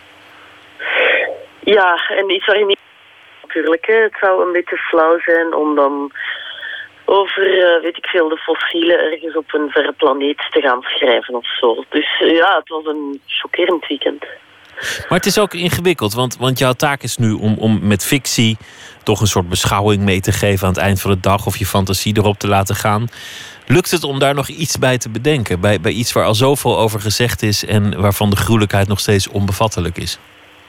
Wel, ik denk dat dat met um, het voordeel is van fictie, of ik ontdek het ook zelf. Hè. Uh, wordt helemaal overspoeld met uh, meningen en vlaggen of geen vlaggen. Of net mensen die met heel veel statement zeggen dat ze zich terugtrekken van Facebook tijdelijk om naar um, Bach te gaan luisteren, want dat het niet meer kan en zo. Um, fictie is net die ruimte waar al die tegenstellingen met elkaar kunnen botsen, dus er hoeft geen afgewerkte mening te zijn. En ik, allee, ik zie dat nu ook bij mezelf. Ik ga er een soort vervolgverhaaltje van maken, dus vandaag lees ik een uh, stukje, morgen ben ik van plan om dat dan uh, verder te schrijven, omdat er dus geen uh, eensluidend antwoord is of zo. En dat vind ik hier net voor mezelf ook interessant om me daar uh, een weg in te zoeken. Ik ben benieuwd wat het geworden is. Ga je gang. Een man en een meisje zitten in een verduisterde ruimte met één gele lamp. Verborgen voor de buitenwereld die Parijs heet. Zijn vuist omklemt een handgranaat. Hij draagt een regenjas in camouflagekleur en een zwarte jeansbroek. Hij zit aan tafel, gebogen over de krant Le Monde. Zij zit ineengedoken in een hoek op de koude betonnen grond. Blijf zitten, zegt hij, niet verroeren.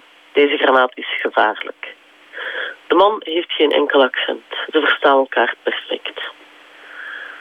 Dat die granaat gevaarlijk is, geloof ik wel, zegt ze stil. Maar ben jij gevaarlijk? Natuurlijk, zegt hij. Ze zijn op zoek naar mij. Ik sta in de krant, kijk maar. Dat kan ik niet zien, fluistert het meisje. Sta recht en kom kijken, beveelt hij barst.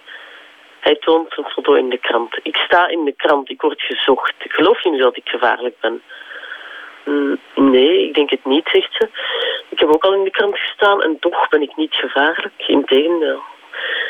Ik ben een terrorist, zegt hij. Hoeveel duidelijker kan ik zijn? Ga terug naar je plaats, ik ga je opblazen. Ze gaat terugzitten. Een grauwe tijdloosheid lang zitten ze daar samen, tot het meisje begint te neurien. Stop daarmee, zegt hij. Careless Whispers, zegt ze, van George Michael. Ken je dat nummer? Ja, zegt hij verbaasd, dat ken ik uit een vorig leven. Ik was tweede in The Voice, zegt ze, met een gewaagde cover van een man. En zo stond ik in de krant. Hij haalt zijn schouders op. Jij bent geen terrorist, zegt zij. Waarom denk je dat? blaft hij. Hij omklemt de granaat. Een mooie gedachte bij uh, de voortvluchtige terrorist. Ja, kon je maar praten met, uh, met, met de jongens. Dat, dat zou al een stuk schelen. Meestal wordt daar niet eens de, de tijd voor genomen. Nou ja.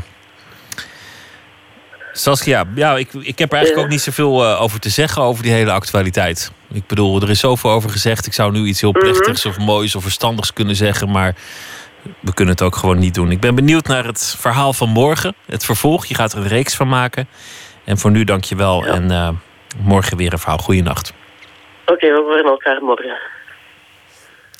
Uit Baltimore komt een duo Beach House. Vier maanden geleden bracht ze een nieuwe plaat uit. Werd goed ontvangen. En twee weken geleden ineens nog een album. Thank Your Lucky Stars is daarvan de titel. En het nummer heet Somewhere Tonight.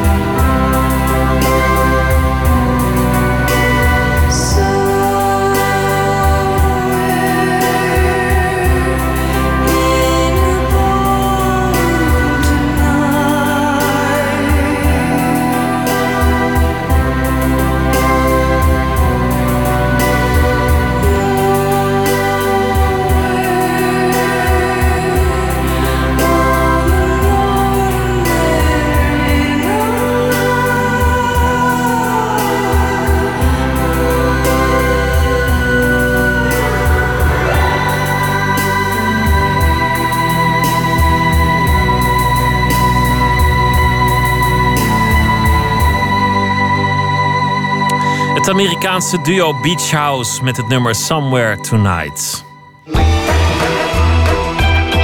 Nooit meer slapen. Als dichter, filmmaker en muzikant werkte Piero Helitzer samen met beroemdheden als Andy Warhol, Jack Kerouac en de mannen van The Velvet Underground. Hij was altijd daar waar het gebeurde in de kunstwereld, vloog heen en weer tussen New York, Londen, Parijs en Amsterdam. En zijn Nederlandse dochter Win kende hem dus vooral als grote afwezige. Jaren na zijn dood is hij zich gaan verdiepen in eh, de man die er nooit was. En dat werd een voorstelling, The Missing Beat. Adinda Akkermans zocht daarop. Piero Helliger. You could hear the snow melting and dripping into the deer's mouth. Do you know who I have chosen for my bed? Lutra Lutra, whose mud bellies of sea with foam veined capillaries. How sensitive she is to that angel's touch, the one who smells of fog. Dit geluidsfragment stuit de zangeres en actrice Win Hellicher vier jaar geleden zoekend op het internet.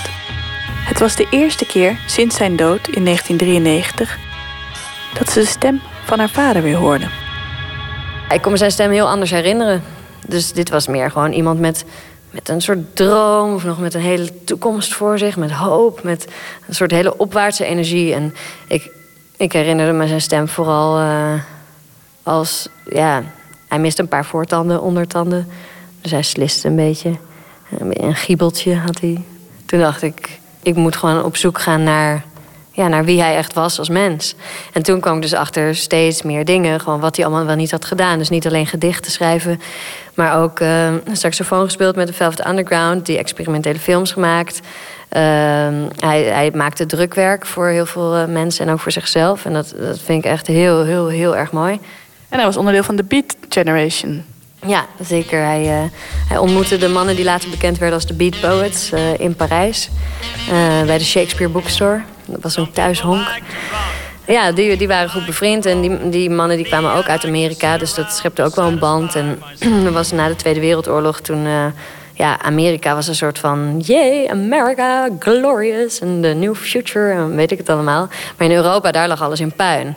Maar dat was voor die, voor die dichters juist te gek om in te gaan vroeten. En ja, gewoon de vrijheid daar letterlijk uh, en figuurlijk ook maar op te snuiven. I belong to the B generation. And everything's going just fine. Weirdsville, yeah. Hij was elke keer op het juiste moment, op de juiste plek met de juiste mensen. Hoe deed hij dat? Ja, dat is knap, hè? Ja, ik weet bijvoorbeeld hij zat in New York, zat hij uh, op school in Harvard. En uh, daar raakte hij bevriend met een jongen, Angus McLeese. Dat was de eerste drummer van de Velvet Underground. Maar de Velvet Underground heette toen überhaupt nog niet eens de Velvet Underground. Maar zo leerde hij dus die jongens kennen. En toen was er Andy Warhol die die screentests ging doen. Daar ging hij heen. En uiteindelijk raakte hij bevriend met Andy, maar vooral met zijn rechterhand, Gerard Malanga, die minstens zo belangrijk is geweest als Andy Warhol.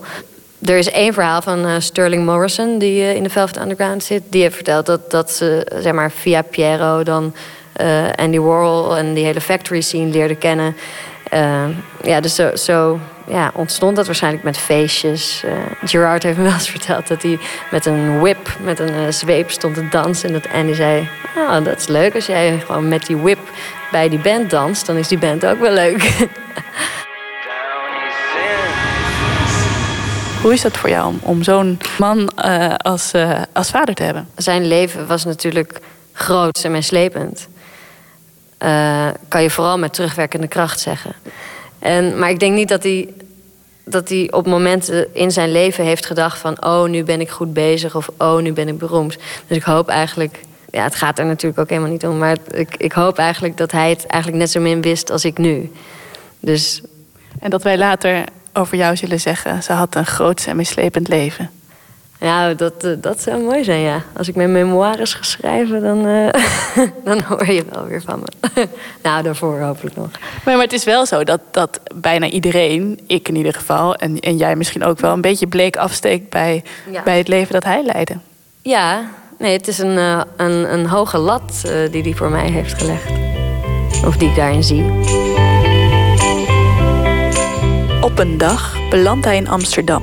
Op het Waterloopplein verkoopt hij daar eigen gedichten, drukwerk en ook tweedehands playboys.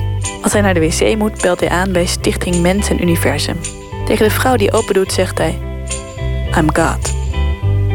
Niet veel later krijgen ze een kind, Win. Piero Helletscher blijft de wereld over reizen, stuurde ansichtkaarten naar Amsterdam en kwam heel af en toe langs. Wat herinner je je nog van zijn aanwezigheid als kind? Uh, nou, vooral zijn baard. Ja, ik was heel klein en jong. En mijn levendigste herinnering aan hem is dat hij in de keuken bij mijn moeder thuis uh, zijn grote zwarte baard stond in te zeepen. Dat hij helemaal wit werd. Spoelen en dan zo. Zijn hele baard afhalen. Dat vond ik echt magisch. Zwartbaard koningsman, ik ren naar je toe. Tussen de letters door die door de gangen hier beneden hameren. Langs de mensen die allemaal belangrijker waren. De Warhols, Kerouacs, Burroughs, Vinkenoog, Idylle en Afgrond. Nachtelijk Amsterdam. Nachten in New York. Witgeschilderde studio's. Chelsea Girls. Velvet. Underground. Mijn vader leefde wel echt voor de kunst. Um, meer denk ik dan voor, of meer denk ik, meer dan voor zijn gezinsleven. Uh, dus wat dat betreft, ja, waren mensen zoals Andy Warhol uh, op het moment dat hij met hun was, wel belangrijker dan dat wij waren. Of dat, dan ik was op het moment dat hij met mij was.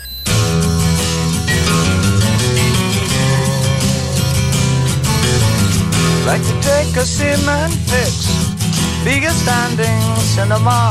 En hij was er niet op, op, gewone vadermomenten bij voorstellingen uh, van school. Eigenlijk gewoon niet in het dagelijks leven. Want en dat, dat, dat schreef je ook ergens. Het doodgewone was, was levensgevaarlijk in those days. Hij wilde zo min mogelijk verantwoordelijkheid en zoveel mogelijk vrijheid. Hoe ik hem heb leren kennen is heel erg uh, zoekende. Uh, ik denk gewoon eigenlijk sinds het moment dat hij moest vluchten in de Tweede Wereldoorlog... dat hij eigenlijk altijd op de vlucht is geweest. Piero Helletje werd in 1937 geboren in Rome, nadat zijn Joodse ouders waren gevlucht uit Duitsland. Toch moet hij er Italiaans uitgezien hebben. Van Mussolini zelf koos de kleine Piero uit om een rol te spelen in een fascistische propagandafilm. Onder pseudoniem weliswaar, want niemand mocht weten dat hij Joods was. Maar toen brak de Tweede Wereldoorlog uit en vluchtte het gezin naar Amerika.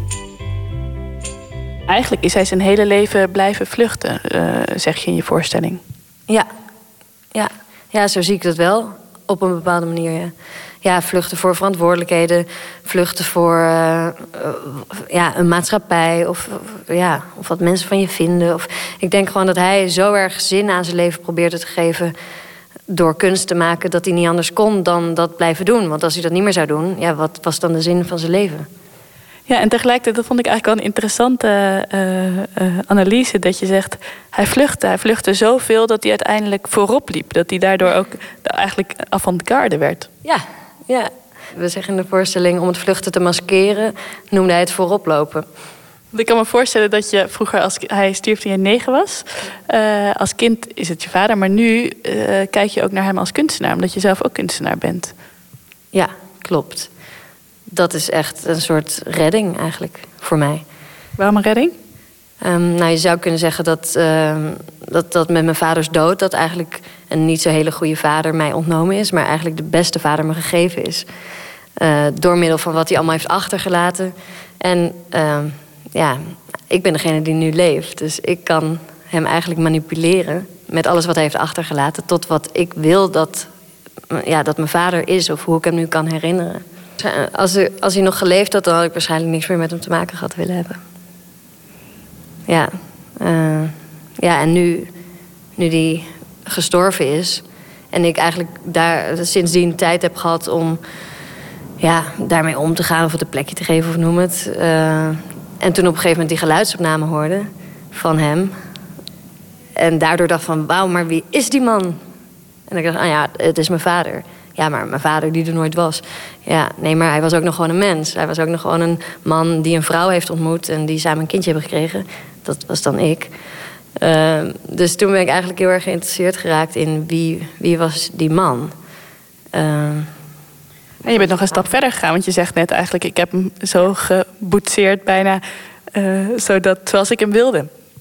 Ja, nou, nu wel eigenlijk. Of in ieder geval, ik, aan de ene kant zou je kunnen zeggen dat het een soort ode is aan mijn vader, maar in ieder geval aan zijn werk dan.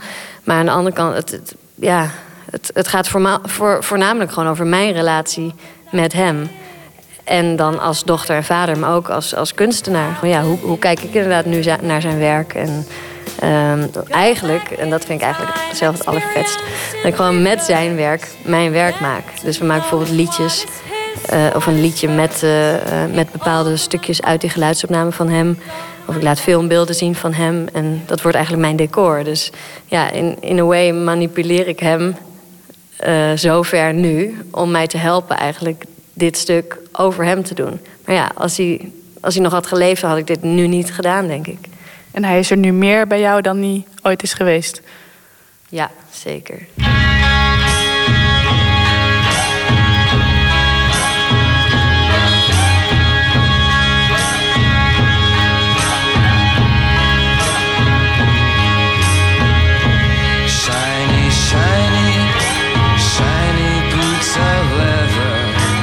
The Missing Beat zal eh, te zien zijn 23, 24 en 25 november op het Jonge Harten Theaterfestival in Groningen. Daarna op tournee door heel Nederland.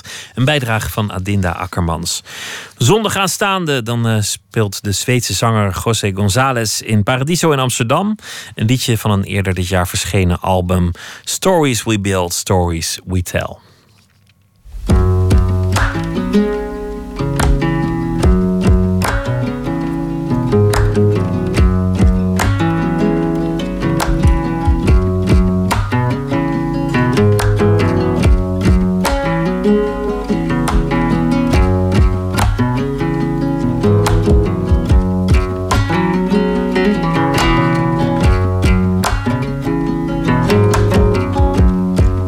Myself angering over you. Got myself angering over you. Sitting in silence, wondering what to do. Got myself angering over you.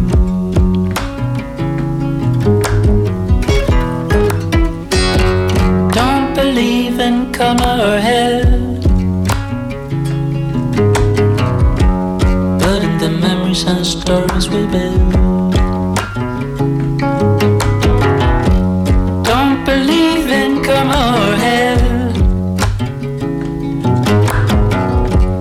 But in the memories and stories we tell,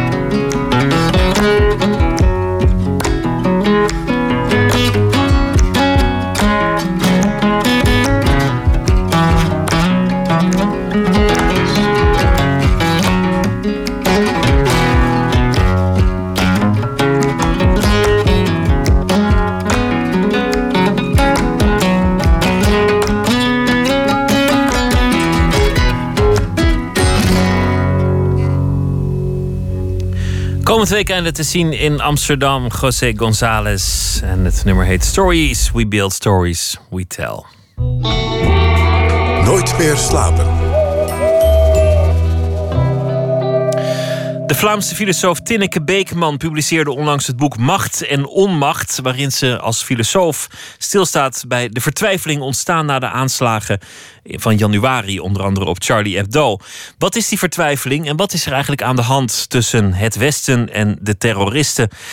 Na het bloedbad van afgelopen week de belde nachtcorrespondent Floortje Smit met Tinneke Beekman. Goedenacht, Floortje.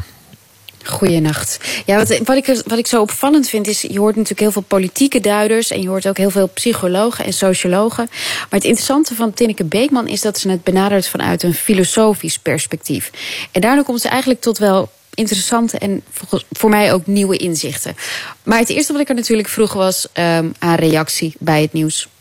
Ja, dan voel je je ook meteen fysiek onwel. Dat had ik ook de eerste keer. Toen ik het hoorde van Charlie Hebdo, toen zat ik thuis. Dat was meer tegen de middag. En toen, uh, ja, toen werd ik zo bijna onwel, want ik ben daarna ook uh, in mijn bed gaan liggen. Ik vond het echt verschrikkelijk. Ik vond het dat een enorm verlammende werking. Ja, en het is echt die machteloosheid die uh, Tinneke Beekman onderzoekt in haar boek Macht en Onmacht. Je hebt het ook gelezen, hè, Pieter? Ja, ik heb het onlangs gelezen en ook het boek waar zij min of meer op reageert van Emmanuel Todd, Key et Charlie. En wat ik mooi vond is dat ze een aantal clichés over terrorisme en, en een aantal clichés over, over die jihad doorprikt en het ook echt ziet. Um, ze, ze, tekent het af tegenover waar wij staan uh, in het Westen. Dus, dus zij, houdt ook een beetje een spiegel voor in de zin van uh, welk antwoord bieden wij eigenlijk en waar zoeken wij dat antwoord en, en is dat wel het juiste antwoord? En ik, ik vond het ontzettend interessant, moet ik zeggen. Ja, en wat ze ook heel erg doet, is dat ze het breder trekt, hè, die ideeën over macht en onmacht. En dat komt ook omdat ze waarschijnlijk begonnen is aan dat boek nog voor Charlie Hebdo. Um, ja, ze zegt eigenlijk ook, we gingen er eigenlijk altijd van uit dat alles beter zou worden. Maar nu blijkt steeds vaker dat dat gewoon niet zo is. Je hebt uh, de bankencrisis, mensen raken de grip kwijt op de politiek.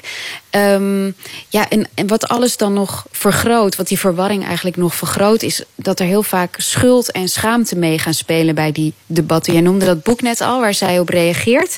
Um, en zij zegt eigenlijk dat gebeurt heel vaak in politieke debatten. Als je kijkt naar alles wat daarbij wordt gehaald van de geschiedenis, dan zijn het nooit de verworvenheden, zoals de ideeën van de verlichting, maar altijd de negatieve dingen. Je krijgt een heel sterk moraliserend, beschuldigend discours. En dat geeft ook een gevoel van machteloosheid. Dat zelfs al zeg je, ik verdedig de verlichting, ik verdedig, de democratie, dat er toch nog altijd een soort verdachtmaking is van die motieven dat je toch heel makkelijk in de hoek zit van islamofobie, van racisme, van, van willen anderen beledigen, vernederen enzovoort. Dat zijn, wat Spinoza zegt, allemaal droeve passies. Dat zijn allemaal gevoelens die je onmacht vergroten. Die Emmanuel Toot, dat is een uh, socioloog en publicist. En die zei eigenlijk, die, die was tegen de Charlie-beweging. Die zei dat is alleen maar een manier om te schoppen tegen de kansarmen. En de kansarmen, dat zijn dan uh, uh, de, de islamisten. En, en zij prikt dat door en doet dat heel overtuigend. Want zij zegt eigenlijk: uh, is iedereen zo bang om uit te komen voor de waarden die wij belangrijk vinden in onze samenleving en de westerse verworvenheden, dat het bijna is, is gaan lijken op een soort merkwaardige zelfhaat. Die, die, die gewoon het discours in de weg staat en die ook een, een helder antwoord op deze terreur in de weg is gaan staan. Ja, precies. En, en zij zei ook van als je bijvoorbeeld kijkt naar die reacties ook op Charlie Hebdo, dat mensen zeiden: ja, weet je, die profeet, die moet je ook eigenlijk niet zo afbeelden. Daarvan zegt zij dat is gewoon onzin. Vrijheid van meningsuiting moet gewoon vrijheid van meningsuiting zijn. Want je komt op een soort glijdende schaal terecht als je um, ja, als je dat niet, als je aan je eigen uh, normen en waarden gaat twijfelen. Het is eigenlijk ook een beetje iets, iets wat, je, wat je steeds weer zag. Hè? Na Theo van Gogh kwamen er toch mensen die zeiden: ja, hij was ook wel grof in de mond. En na Charlie kwamen er toch mensen die zeiden: ja, moet je inderdaad zo'n tekening wel maken? Of, of uh, was het nou wel een smaakvolle tekening? Elke keer lijkt het zich toch te keren tegen de slachtoffers en niet tegen de daders. En, en die verontwaardiging die voelde ik in het boek ook. Ja, we mogen van, van haar wel wat meer achter onze eigen uh, verworvenheden gaan staan. Het heeft ook te maken met het feit dat we te weinig nog onze eigen uh, de, zou ik zeggen, de, de, de, uh, de fundamenten van die samenleving kennen en begrijpen dat we daar ook voor moeten opkomen, dat we daar ook fier op moeten zijn, denk ik. Ondanks alle kritiek die je kan hebben op onze eigen traditie en ook op de eigen filosofische ideeën, daar moet je altijd kritisch tegenover staan, hebben we ook heel wat verwezenlijkt. En denk ik dat we daar ook uh, veel belang aan moeten hechten, veel meer dan we tot vandaag doen. En dat we ook moeten beseffen dat mensen meer willen dan alleen maar het materieel goed hebben. Het materieel goed hebben is belangrijk, maar dat is niet het enige. Mensen willen ook deel uitmaken van een geheel. Mensen willen ook betekenis hebben voor anderen en willen uh, meer dan alleen maar ja, een soort consumenten bestaan. En ik denk dat dat te weinig aan bod komt. In de politieke visies die... En dat is ook wat aan het, het zogezegde economisme is. Hè. Alles wordt altijd herleid tot cijfertjes en tot berekeningen. Alsof het enige wat een mens zou kunnen gelukkig maken of, of een gevoel van welzijn zou kunnen geven, die becijfering is. En dat is natuurlijk niet het geval. En dus daar gaan we natuurlijk zelf ook wel in mee, in dat economisme. En daar moeten we toch eens heel goed over nadenken. Een Franse denker die ik ook aanhaal in mijn boek, Régis Debray, die een uh, raadgever was van François Mitterrand en die ook echt fantastische boeken schrijft, die legt ook uit dat dat jihadisme een beetje de tegenhanger is van, de, van het consumentisme.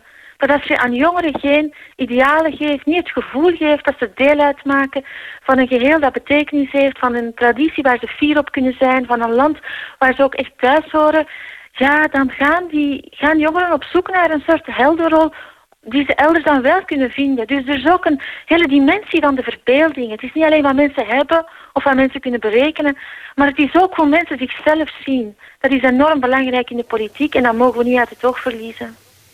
Je zag het afgelopen weken eigenlijk ook. Hè, dat er een soort sociaal-economische reflex in, in, in de politiek en in het debat is geslopen om alles te vertalen naar iets materieels. Als, als die jongeren overtuigd zijn van, van een jihadistisch ideaal, dan wordt dat toch vertaald naar dat ze eigenlijk uh, te weinig geld hebben, of, of mooiere gymschoenen verdienen, of betere huisvesting. Het wordt altijd tot iets materieels uh, gereduceerd. En, en Tinneke die, die verzet zich daartegen. Die, die neemt eigenlijk de jihadisten daarmee serieus, waardoor je het ook gaat begrijpen wat hun motieven zijn. Namelijk wat ze zeggen dat wat hun motieven zijn, ze willen gewoon de sharia invoeren. Ja, ze zegt we kunnen ons eigenlijk gewoon helemaal niet meer voorstellen dat, dat mensen echt alleen maar handelen uit religie. Ja, ik denk dat het, dat is ook een idee van eh, Marcel Gauchet, dat is een Franse filosoof die zich verwonderde over het gebrek aan debat na de aanslagen op Charlie Hebdo. En hopelijk wordt het nu anders.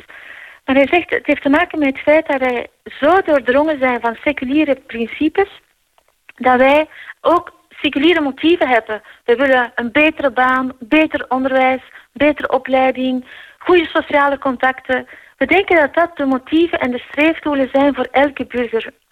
Omdat we ons niet meer kunnen voorstellen dat mensen vanuit hun geloof handelen. Maar, zegt hij, er zijn mensen die in een denkkader leven waar het geloof alles nog structureert. Omdat we dat niet meer begrijpen, gebruiken we voortdurend een heel beperkt begrippenkader om het uh, thema te begrijpen. En daarom lukt het ook niet helemaal. En vandaar zegt hij ook, herleiden we vaak politieke daden tot sociaal-economische oorzaken, tot onrecht, tot uh, uitsluitingen. Natuurlijk zijn dat eventueel wel, dat zijn wel bepaalde factoren, maar dat zijn niet de allesbepalende factoren. Nee, en eigenlijk zijn wij dus te weinig een eenheid met idealen. En tegenover ons staat dus wel een groep, wat een eenheid schijnt te zijn, gevoed door idealen. Um, maar voor, voor ons is dat natuurlijk meteen een beetje lastig, want wij denken meteen aan het communisme en het nazisme. Dus wij, we verzetten ons daar ook een beetje. Wij vinden idealen een beetje vies. Hè? Van alle overtuigingen zijn wel een beetje gelijk. En ach ja, links is goed, rechts is goed, blauw is mooi, rood is blauw. Uh, alles, alles kan eigenlijk en daardoor staan we niet sterk omdat zij veel overtuigder zijn dan wij. Ja, maar ze zegt wel, het is helemaal niet de bedoeling van haar pleidooi om te, om te zoeken naar zo'n zo'n grote idealistische nieuwe stroming. Ik denk dat we twee dingen heel goed uit elkaar moeten houden. Ik pleit helemaal niet voor een groot verhaal waar iedereen zomaar achterloopt, maar ik pleit wel voor een, een soort fierheid, als je wilt, voor de verworvenheden van onze eigen traditie. En waarbij we die niet mogen laten kapen door een gevoel van schuld of schaamte of kijk eens wat Europa allemaal gedaan heeft, waardoor je, waardoor je eigenlijk alleen nog maar een negatieve houding kan hebben tegenover je eigen traditie. Dat is één zaak. En ten tweede denk ik dat het ook heel belangrijk is om precies aan mensen te leren dat je het recht hebt om te twijfelen, het recht hebt om van mening te veranderen, maar dat er nog altijd een waarachtigheid is, dat er nog altijd waarheidsaanspraken zijn en dat er nog altijd normatieve ideeën zijn. Er zijn normatieve argumenten om te zeggen dat een, democratie beter is dan geen democratie. En als we terechtkomen in een algemene vertwijfeling van iedereen heeft zijn idee, iedereen heeft zijn opvatting en dat is ook goed. Nee, dat is niet goed. Er zijn betere en slechtere ideeën. Meer waarachtige ideeën en meer leugenachtige ideeën. En we moeten daar heel duidelijk in zijn. Al dus eh, Tinneke Beekman. Het eh, boek heet Macht en Onmacht en eh, is onvoorstelbaar actueel, zeker na dit weekend. Floortje Smit, dankjewel en een goede nacht. Goeienacht. Uit Alabama kwam soul- en gospelzangeres Rosetta Johnson in de jaren 60 van de vorige eeuw. Was eh, behoorlijk succesvol en het nummer heet I've Come Too Far With. You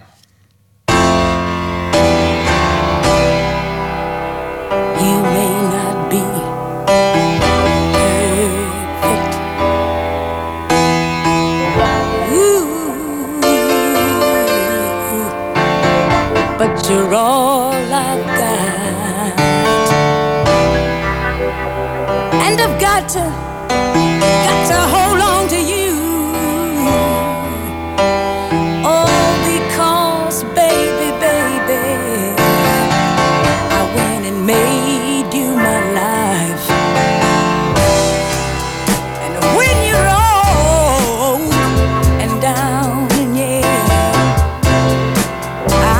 be by your side. Oh, yes, I will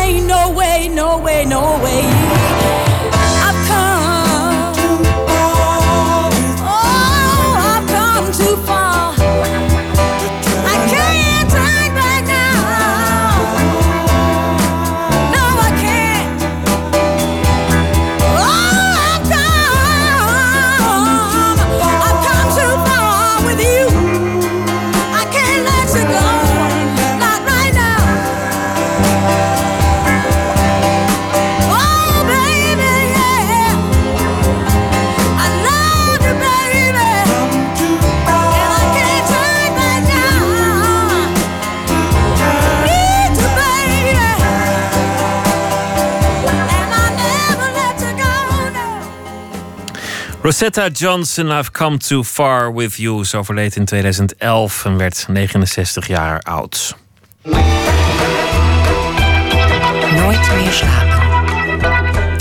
Mohamed Choukri is volgens schrijver Abdelkader Benali de belangrijkste schrijver van Marokko. De man die als analfabeet het Rifgebergte verliet, wist de taal van de straat in de literatuur te brengen. Zijn eerste roman, Hongerjaren, is een wereldhit gebleken. Nu wordt in Nederland voor het eerst het derde boek, Gezichten, uitgegeven. Maarten Westerveen die sprak met Abdelkader Benali, die zoals gezegd een groot fan is van Choukri. استقبل تباعا ضيوفا لا بحر في مدنهم مدينتي ليست De لها schrijver Abdelkader Benali en ik zitten rond een exemplaar van Mohammed Choukri's Gezichten. Een bonte reeks portretten van de bewoners van de Marokkaanse stad Tanger. We pakken er het verhaal De Erfenis bij. Zenuwachtig hield Allel het stuk zeep in zijn linkerhand. En liet het langzaam naar beneden glijden. Zoals hij dat ook altijd bij zichzelf deed als de spanning te hoog opliep en hij geen meisje had om hem te helpen. Als hij dat niet deed, kon hij niet slapen. De positieve reactie van zijn vader was verheugend. Mooi zo, vader. Mogen God voortaan alle vrouwen die om je heen dwarrelen verre van ons houden. Zowel de jonge als de oude. De lichte massage nam niet veel tijd in beslag en het duurde niet lang of El-Adi slaakte een zucht van genot. Ze wisselden geen woord. Ook Allel raakte in extase, misschien nog wel meer dan zijn vader. Sinds zijn vader uit die vervloekte oorlog was teruggekeerd, had hij zich niet meer zo ontspannen gevoeld. Allel's sidderingen werden minder hevig en hij begon te transpireren. Sinds het bad van die avond en de baden die volgden, drong Al-Hadi niet meer aan op een huwelijk en wist Allel dat hij voortaan in rust en vrede met zijn vader zou samenleven. Het is heel interessant dat je dit verhaaltje eruit ligt uit, eh, uit, eh, uit gezichten. De erfenis, want dat gaat dan weer over een, over een zoon die zijn vader eh, manueel bevredigt. Zodat hij, zodat hij niet met een vrouw vandoor gaat. En, waarom is die zoon, Allel, zo heet die zoon, bang dat, dat zijn ou- oude vader er met een jongere vrouw vandoor gaat? Want hij is natuurlijk heel erg bang dat die jongere vrouw die man gaat manipuleren en hem al zijn bezittingen ontneemt. En waardoor hij nergens meer recht op heeft. Ook hier weer de angst eh, dat, je, dat, dat de vader jouw leven gaat ondermijnen. Dat zit er altijd in bij Soukri. De angst dat de, je vader is je grootste vijand. Dus het is bijna niet voor te stellen vanuit een Nederlands perspectief, maar in Marokko is dat een realiteit. En zo zit het boek vol met dit soort karakters. Maar meer nog dan de hoertjes, smokkelaars en kroegbazen speelt de stad Tanger zelf de hoofdrol in gezichten. Tanger vormde Choukri als geen ander. Tanger is echt een schrijversstad. Eh, Een stad van, eh, eh, die, die, die, die ligt op breukvlak tussen, tussen een aantal eh, culturen. Een aantal, eh, het zijn twee, drie continenten in één. Je hebt daar natuurlijk de Afrikaanse, Marokkaanse invloeden. Het is een stad die is gebouwd door, eh, door Spanjaarden. Tot, aan, eh, tot aan de jaren 40 wonen er meer niet-moslims dan moslims in Tanger. Het is een hele cosmopolitische stad, een echte havenstad. Eh, een, een, smokkelstad ook. Stad waar veel eh, migranten uit de RIF naartoe trokken voor een beter leven. Nou ja, het heeft dat uitzicht op, op Spanje, op Gibraltar. Eh, je hebt op bepaalde punten zowel uitzicht over de Atlantische als, als de Middellandse Zee.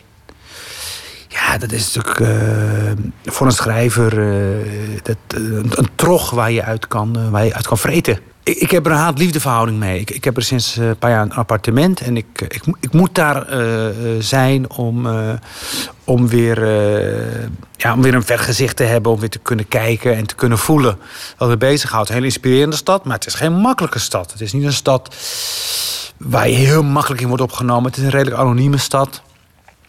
Maar die stad heeft krochten, heeft nissen, heeft doodlopende straten, heeft eh cul-de-sacs. Waar je van het ene avontuur in het andere kan tuimelen. En dat, dat, eh, dat, eh, die, die heldere ondoordringbaarheid van Tanger... Dat, dat heeft Soekri in zijn werk heel goed getroffen. Want eh Soekri is Tanger, Tanger is Soekri. Het, spreekwoord over Tanger is... wie rijk naar Tanger ging, werd alles ontnomen. En wie, en wie arm naar Tanger ging, die kreeg de wereld. En eh nou ja, Soekri was natuurlijk echt straat en straat arm. Toen ik als kind aankwam, eh, uit, altijd uit de vuilnisbakken van de, van, de, van de Spaanse bewoners. Maar kreeg alles van die stad. Kreeg, kreeg een identiteit, kreeg een verhaal, kreeg een, een vergezicht. Eh, dat, dat doet Tanger dus met mensen. Het is een stad, dat ervaar ik heel sterk als ik ben. die jou transformeert. Als ik in Tanger naar een bar ga, dan, dan, dan, moet ik de, dan moet ik, zodra je dat je schrijver bent, dan moet je de mensen echt van je, bijna van je afschoppen. Omdat ze, ze willen alles vertellen. Ze vertellen zo ontzettend veel misère. Dit is, oh, dat kan niet. En, en dan kom je de volgende dag terug en dan er weer een heel nieuw, staat er weer een heel nieuw team klaar om je te overdonderen. En, eh, dus dus het is ook heel, daarom is Tanger ook een hele lastige stad. Omdat verhalen daar echt met elkaar concurreren. Je bent als schrijver je leven niet zeker.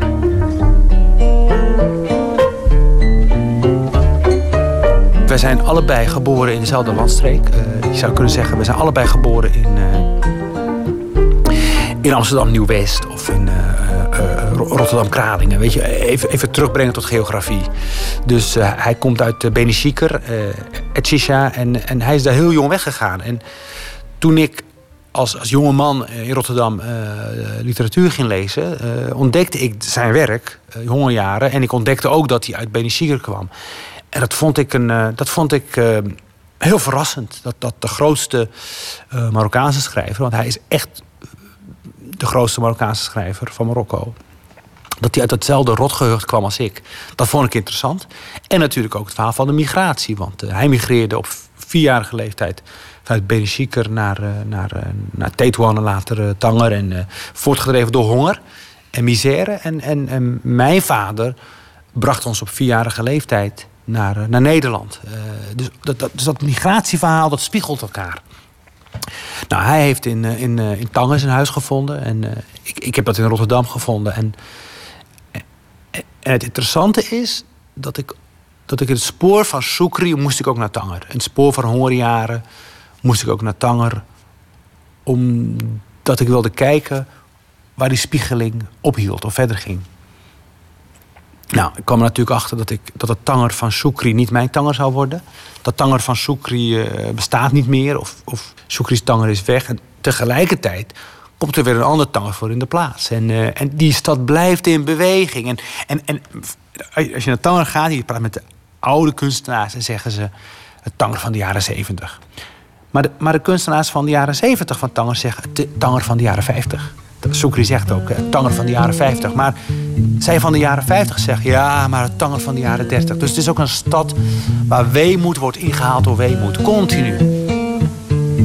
ليست لهم إلا الفرج أمامهم والأست وراءهم وليس لهم إلا Jij noemt hem de grootste Marokkaanse schrijver. Waarom is dat volgens jou zo? Dat, dat, is, dat, dat, dat, is ook, dat komt ook door zijn biografie. Een jongen die op vierjarige leeftijd met helemaal niks naar, naar Tanger gaat... uit de vuilnisbakken van Spanjaarden eet... op 21-jarige leeftijd in de schoolbanken kruipt... letterlijk in de schoolbanken kruipt om te leren lezen en schrijven... om geen andere reden dan dat hij, dat, dat ergens voelt... dat hij door literatuur uh, een groot mens zal worden. Dat is heel idealistisch gedacht. En dat doet hij in een, in een, in een tijd waarin uh, scholing niet vanzelfsprekend was. En de gedachte dat je als 21-jarige analfabeet nog iets kon bereiken met schrijven, daarna onbestaanbaar. En dan komt hij met, met een boek, Hongerjaren, wat is geschreven in, het, in wat ik altijd noem uh, anti-Arabische taal. Want tot dan toe is de Arabische literatuur in Marokko verheven. En afgeschermd eigenlijk van de gewone taal. Dus afgeschermd ook van de gevoelens en de ontberingen van gewone mensen. En dan zegt hij: de enige manier waar, waarop ik over ontberingen en, en wanhoop kan schrijven, is in een gewone taal. Want dat is de taal van de wanhoop. De taal van de wanhoop, de taal van de honger, is een taal waarin de taal zelf ook honger heeft. En, en om brood uh, smeekt. En dan komt hij met dat gewone Marokkaans. Heel simpel. Heel simpel. Heel simpel Marokkaans Arabisch. Uh, uh, een Arabisch wat je met drie maanden Arabisch leren ook kan lezen. Als niet, niet Arabisch lezende. Uh, heel cruciaal. Waar alle Arabisch lezende uh, lezers over van, van schrikken, gechoqueerd zou zijn. Door zijn ook ontroerd is de relatie tot de vader. Tot Abdelkader. Zijn vader heet Abdelkader. En, want... Tot dan toe schrijf je over je moeder en je vader in een verhullende taal. In die hoge, hoge vorm, waardoor er een gelaagdheid komt die je als lezer zelf moet invullen. En, maar waardoor dingen ook uh, eufemistisch worden. En hij zegt gewoon, mijn vader was een klootzak. Hij sloeg mijn vader. Hij sloeg de kinderen. Hij sloeg mij. Hij verkrachtte me. Hij deed dit. Heel eh, plastisch eigenlijk. eh, zonder eromheen te schrijven. Heel direct. Eh, w- waarvan een, iemand die... Waarvan een Arabische lezer zou zeggen... Hij weet eigenlijk helemaal niet hoe hij de woorden moet gebruiken.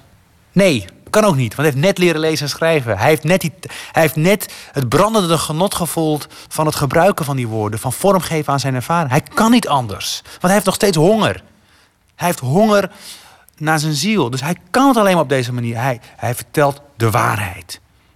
Nou, dat, dat, dat, nou, die, hoe hij die vader beschrijft, de, wat daarin gebeurt is de dood van de Marokkaanse vader. Hij begraaft de vader opnieuw. Hij vermoordt hem opnieuw. In de taal. Eh, Waardoor de Marokkaanse taal, de- Darija-taal die, die hij gebruikt, wordt gepromoveerd tot taal van de waarheid. Het kan niet anders dan als je op zo'n manier door je vader bent mishandeld en misbruikt, dan hem in de meest simpele woorden terug te geven aan het papier.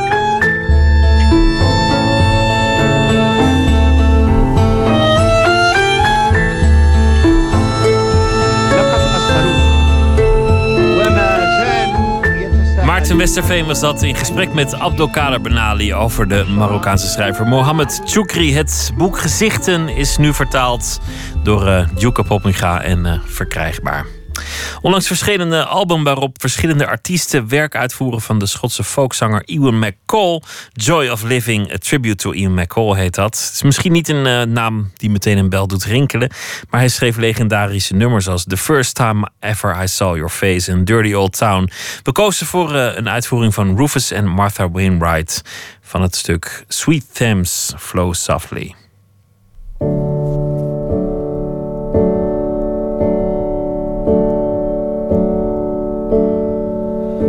I met my girl at Woolwich Pier beneath the big crane standing, and all the love I felt for her it passed all understanding.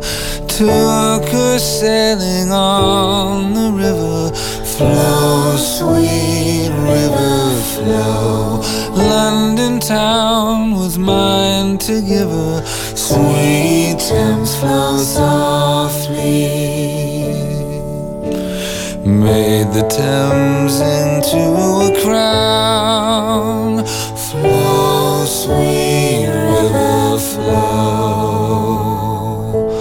Made a brooch of silver town.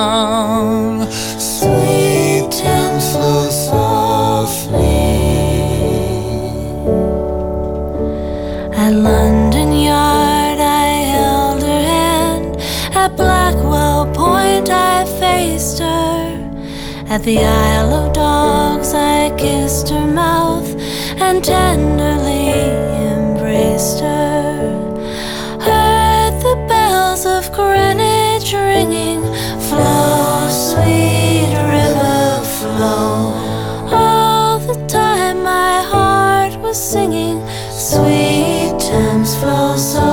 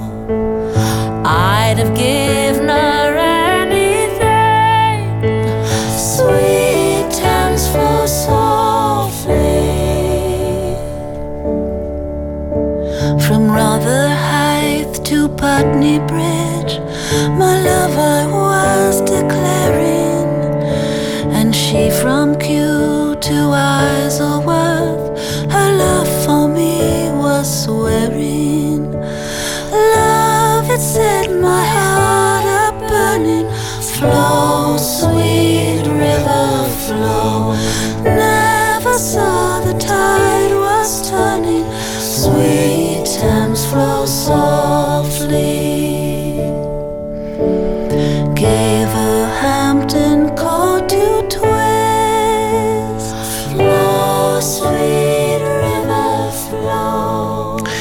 Nummer van de, de Schotse zanger Ewan McCall, uitgevoerd door Rufus en Martha Wainwright. En dit eh, nummer dit Sweet Thames Flow Softly. Rob Schouten is eh, dichter, maar ook vertaler, columnist, proza-schrijver, literatuurcriticus.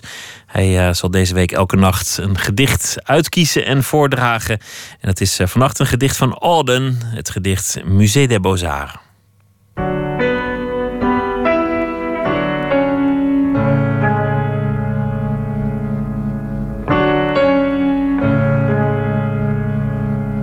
Musée des Beaux-Arts is een van de bekendste gedichten van W.H. Auden. En Auden beschouw ik als een van de grootste dichters van de 20e eeuw. Precies en losjes tegelijk met een overrompelende psychologische kijk op de mens en hoe die zich in de geschiedenis en op aarde gedraagt. In Musée des Beaux-Arts komen de middeleeuwen heel dichtbij, zoals bij Huizinga, maar nog even wat dichterlijker. En het gedicht gaat over een schilderij van Breugel, het schilderij Icarus. En het is vertaald door Peter Versteeg. Musée des Beaux-Arts. Ze vergisten zich nooit in het lijden, de oude meesters. Hoe goed kenden zij de plaats ervan bij de mens? Hoe het zich voelen doet terwijl een ander eet of een raam openzet of domweg verder loopt. Hoe, als de ouderen eerbiedig hartstochtelijk wachten op de wonderbare geboorte, er altijd een paar kinderen moeten zijn voor wie het niet hoeft. Die schaatsen op de vijver aan de zoom van het bos. Zij wisten maar al te goed dat zelfs het stuitend martelaarschap zijn weg moet gaan. Hoe dan ook, in een rommelige hoek. Waar de hond zijn hondenleven leidt en het paard van de folteraar zijn onschuldig achterste schurkt aan een boom. Neem Breugels Icarus, zoals iedereen zich gemoedereerd van de ramp afkeert. De ploeger zal de plons wel hebben gehoord, de verlaten schreeuw. Maar dat falen deed hem niet veel. De zon scheen zoals ze moest schijnen op de witte benen die in het groen water verdwenen. En het breekbaar, kostbaar schip dat wel iets vreemds moet hebben gezien, een jongen die viel uit de lucht, zeilde kalm voort, moest ergens heen. W.H. Alden schreef het gedicht Musée des Beaux-Arts en Rob Schouten droeg het voor. En Koos Tuit zal morgen weer een gedicht eh, uitkiezen. Morgen komt opera-regisseur Lotte de Beer op bezoek. Regisseert opera's in heel Europa. Won ook een eh, prestigieuze prijs. De International Opera Awards categorie Newcomer. En eh, Hansel en Gretel zal binnenkort in Nederland in première gaan. Dat morgen in Nooit meer slapen. Nu een hele goede nacht. Morgen een leuke dag en graag weer tot dan.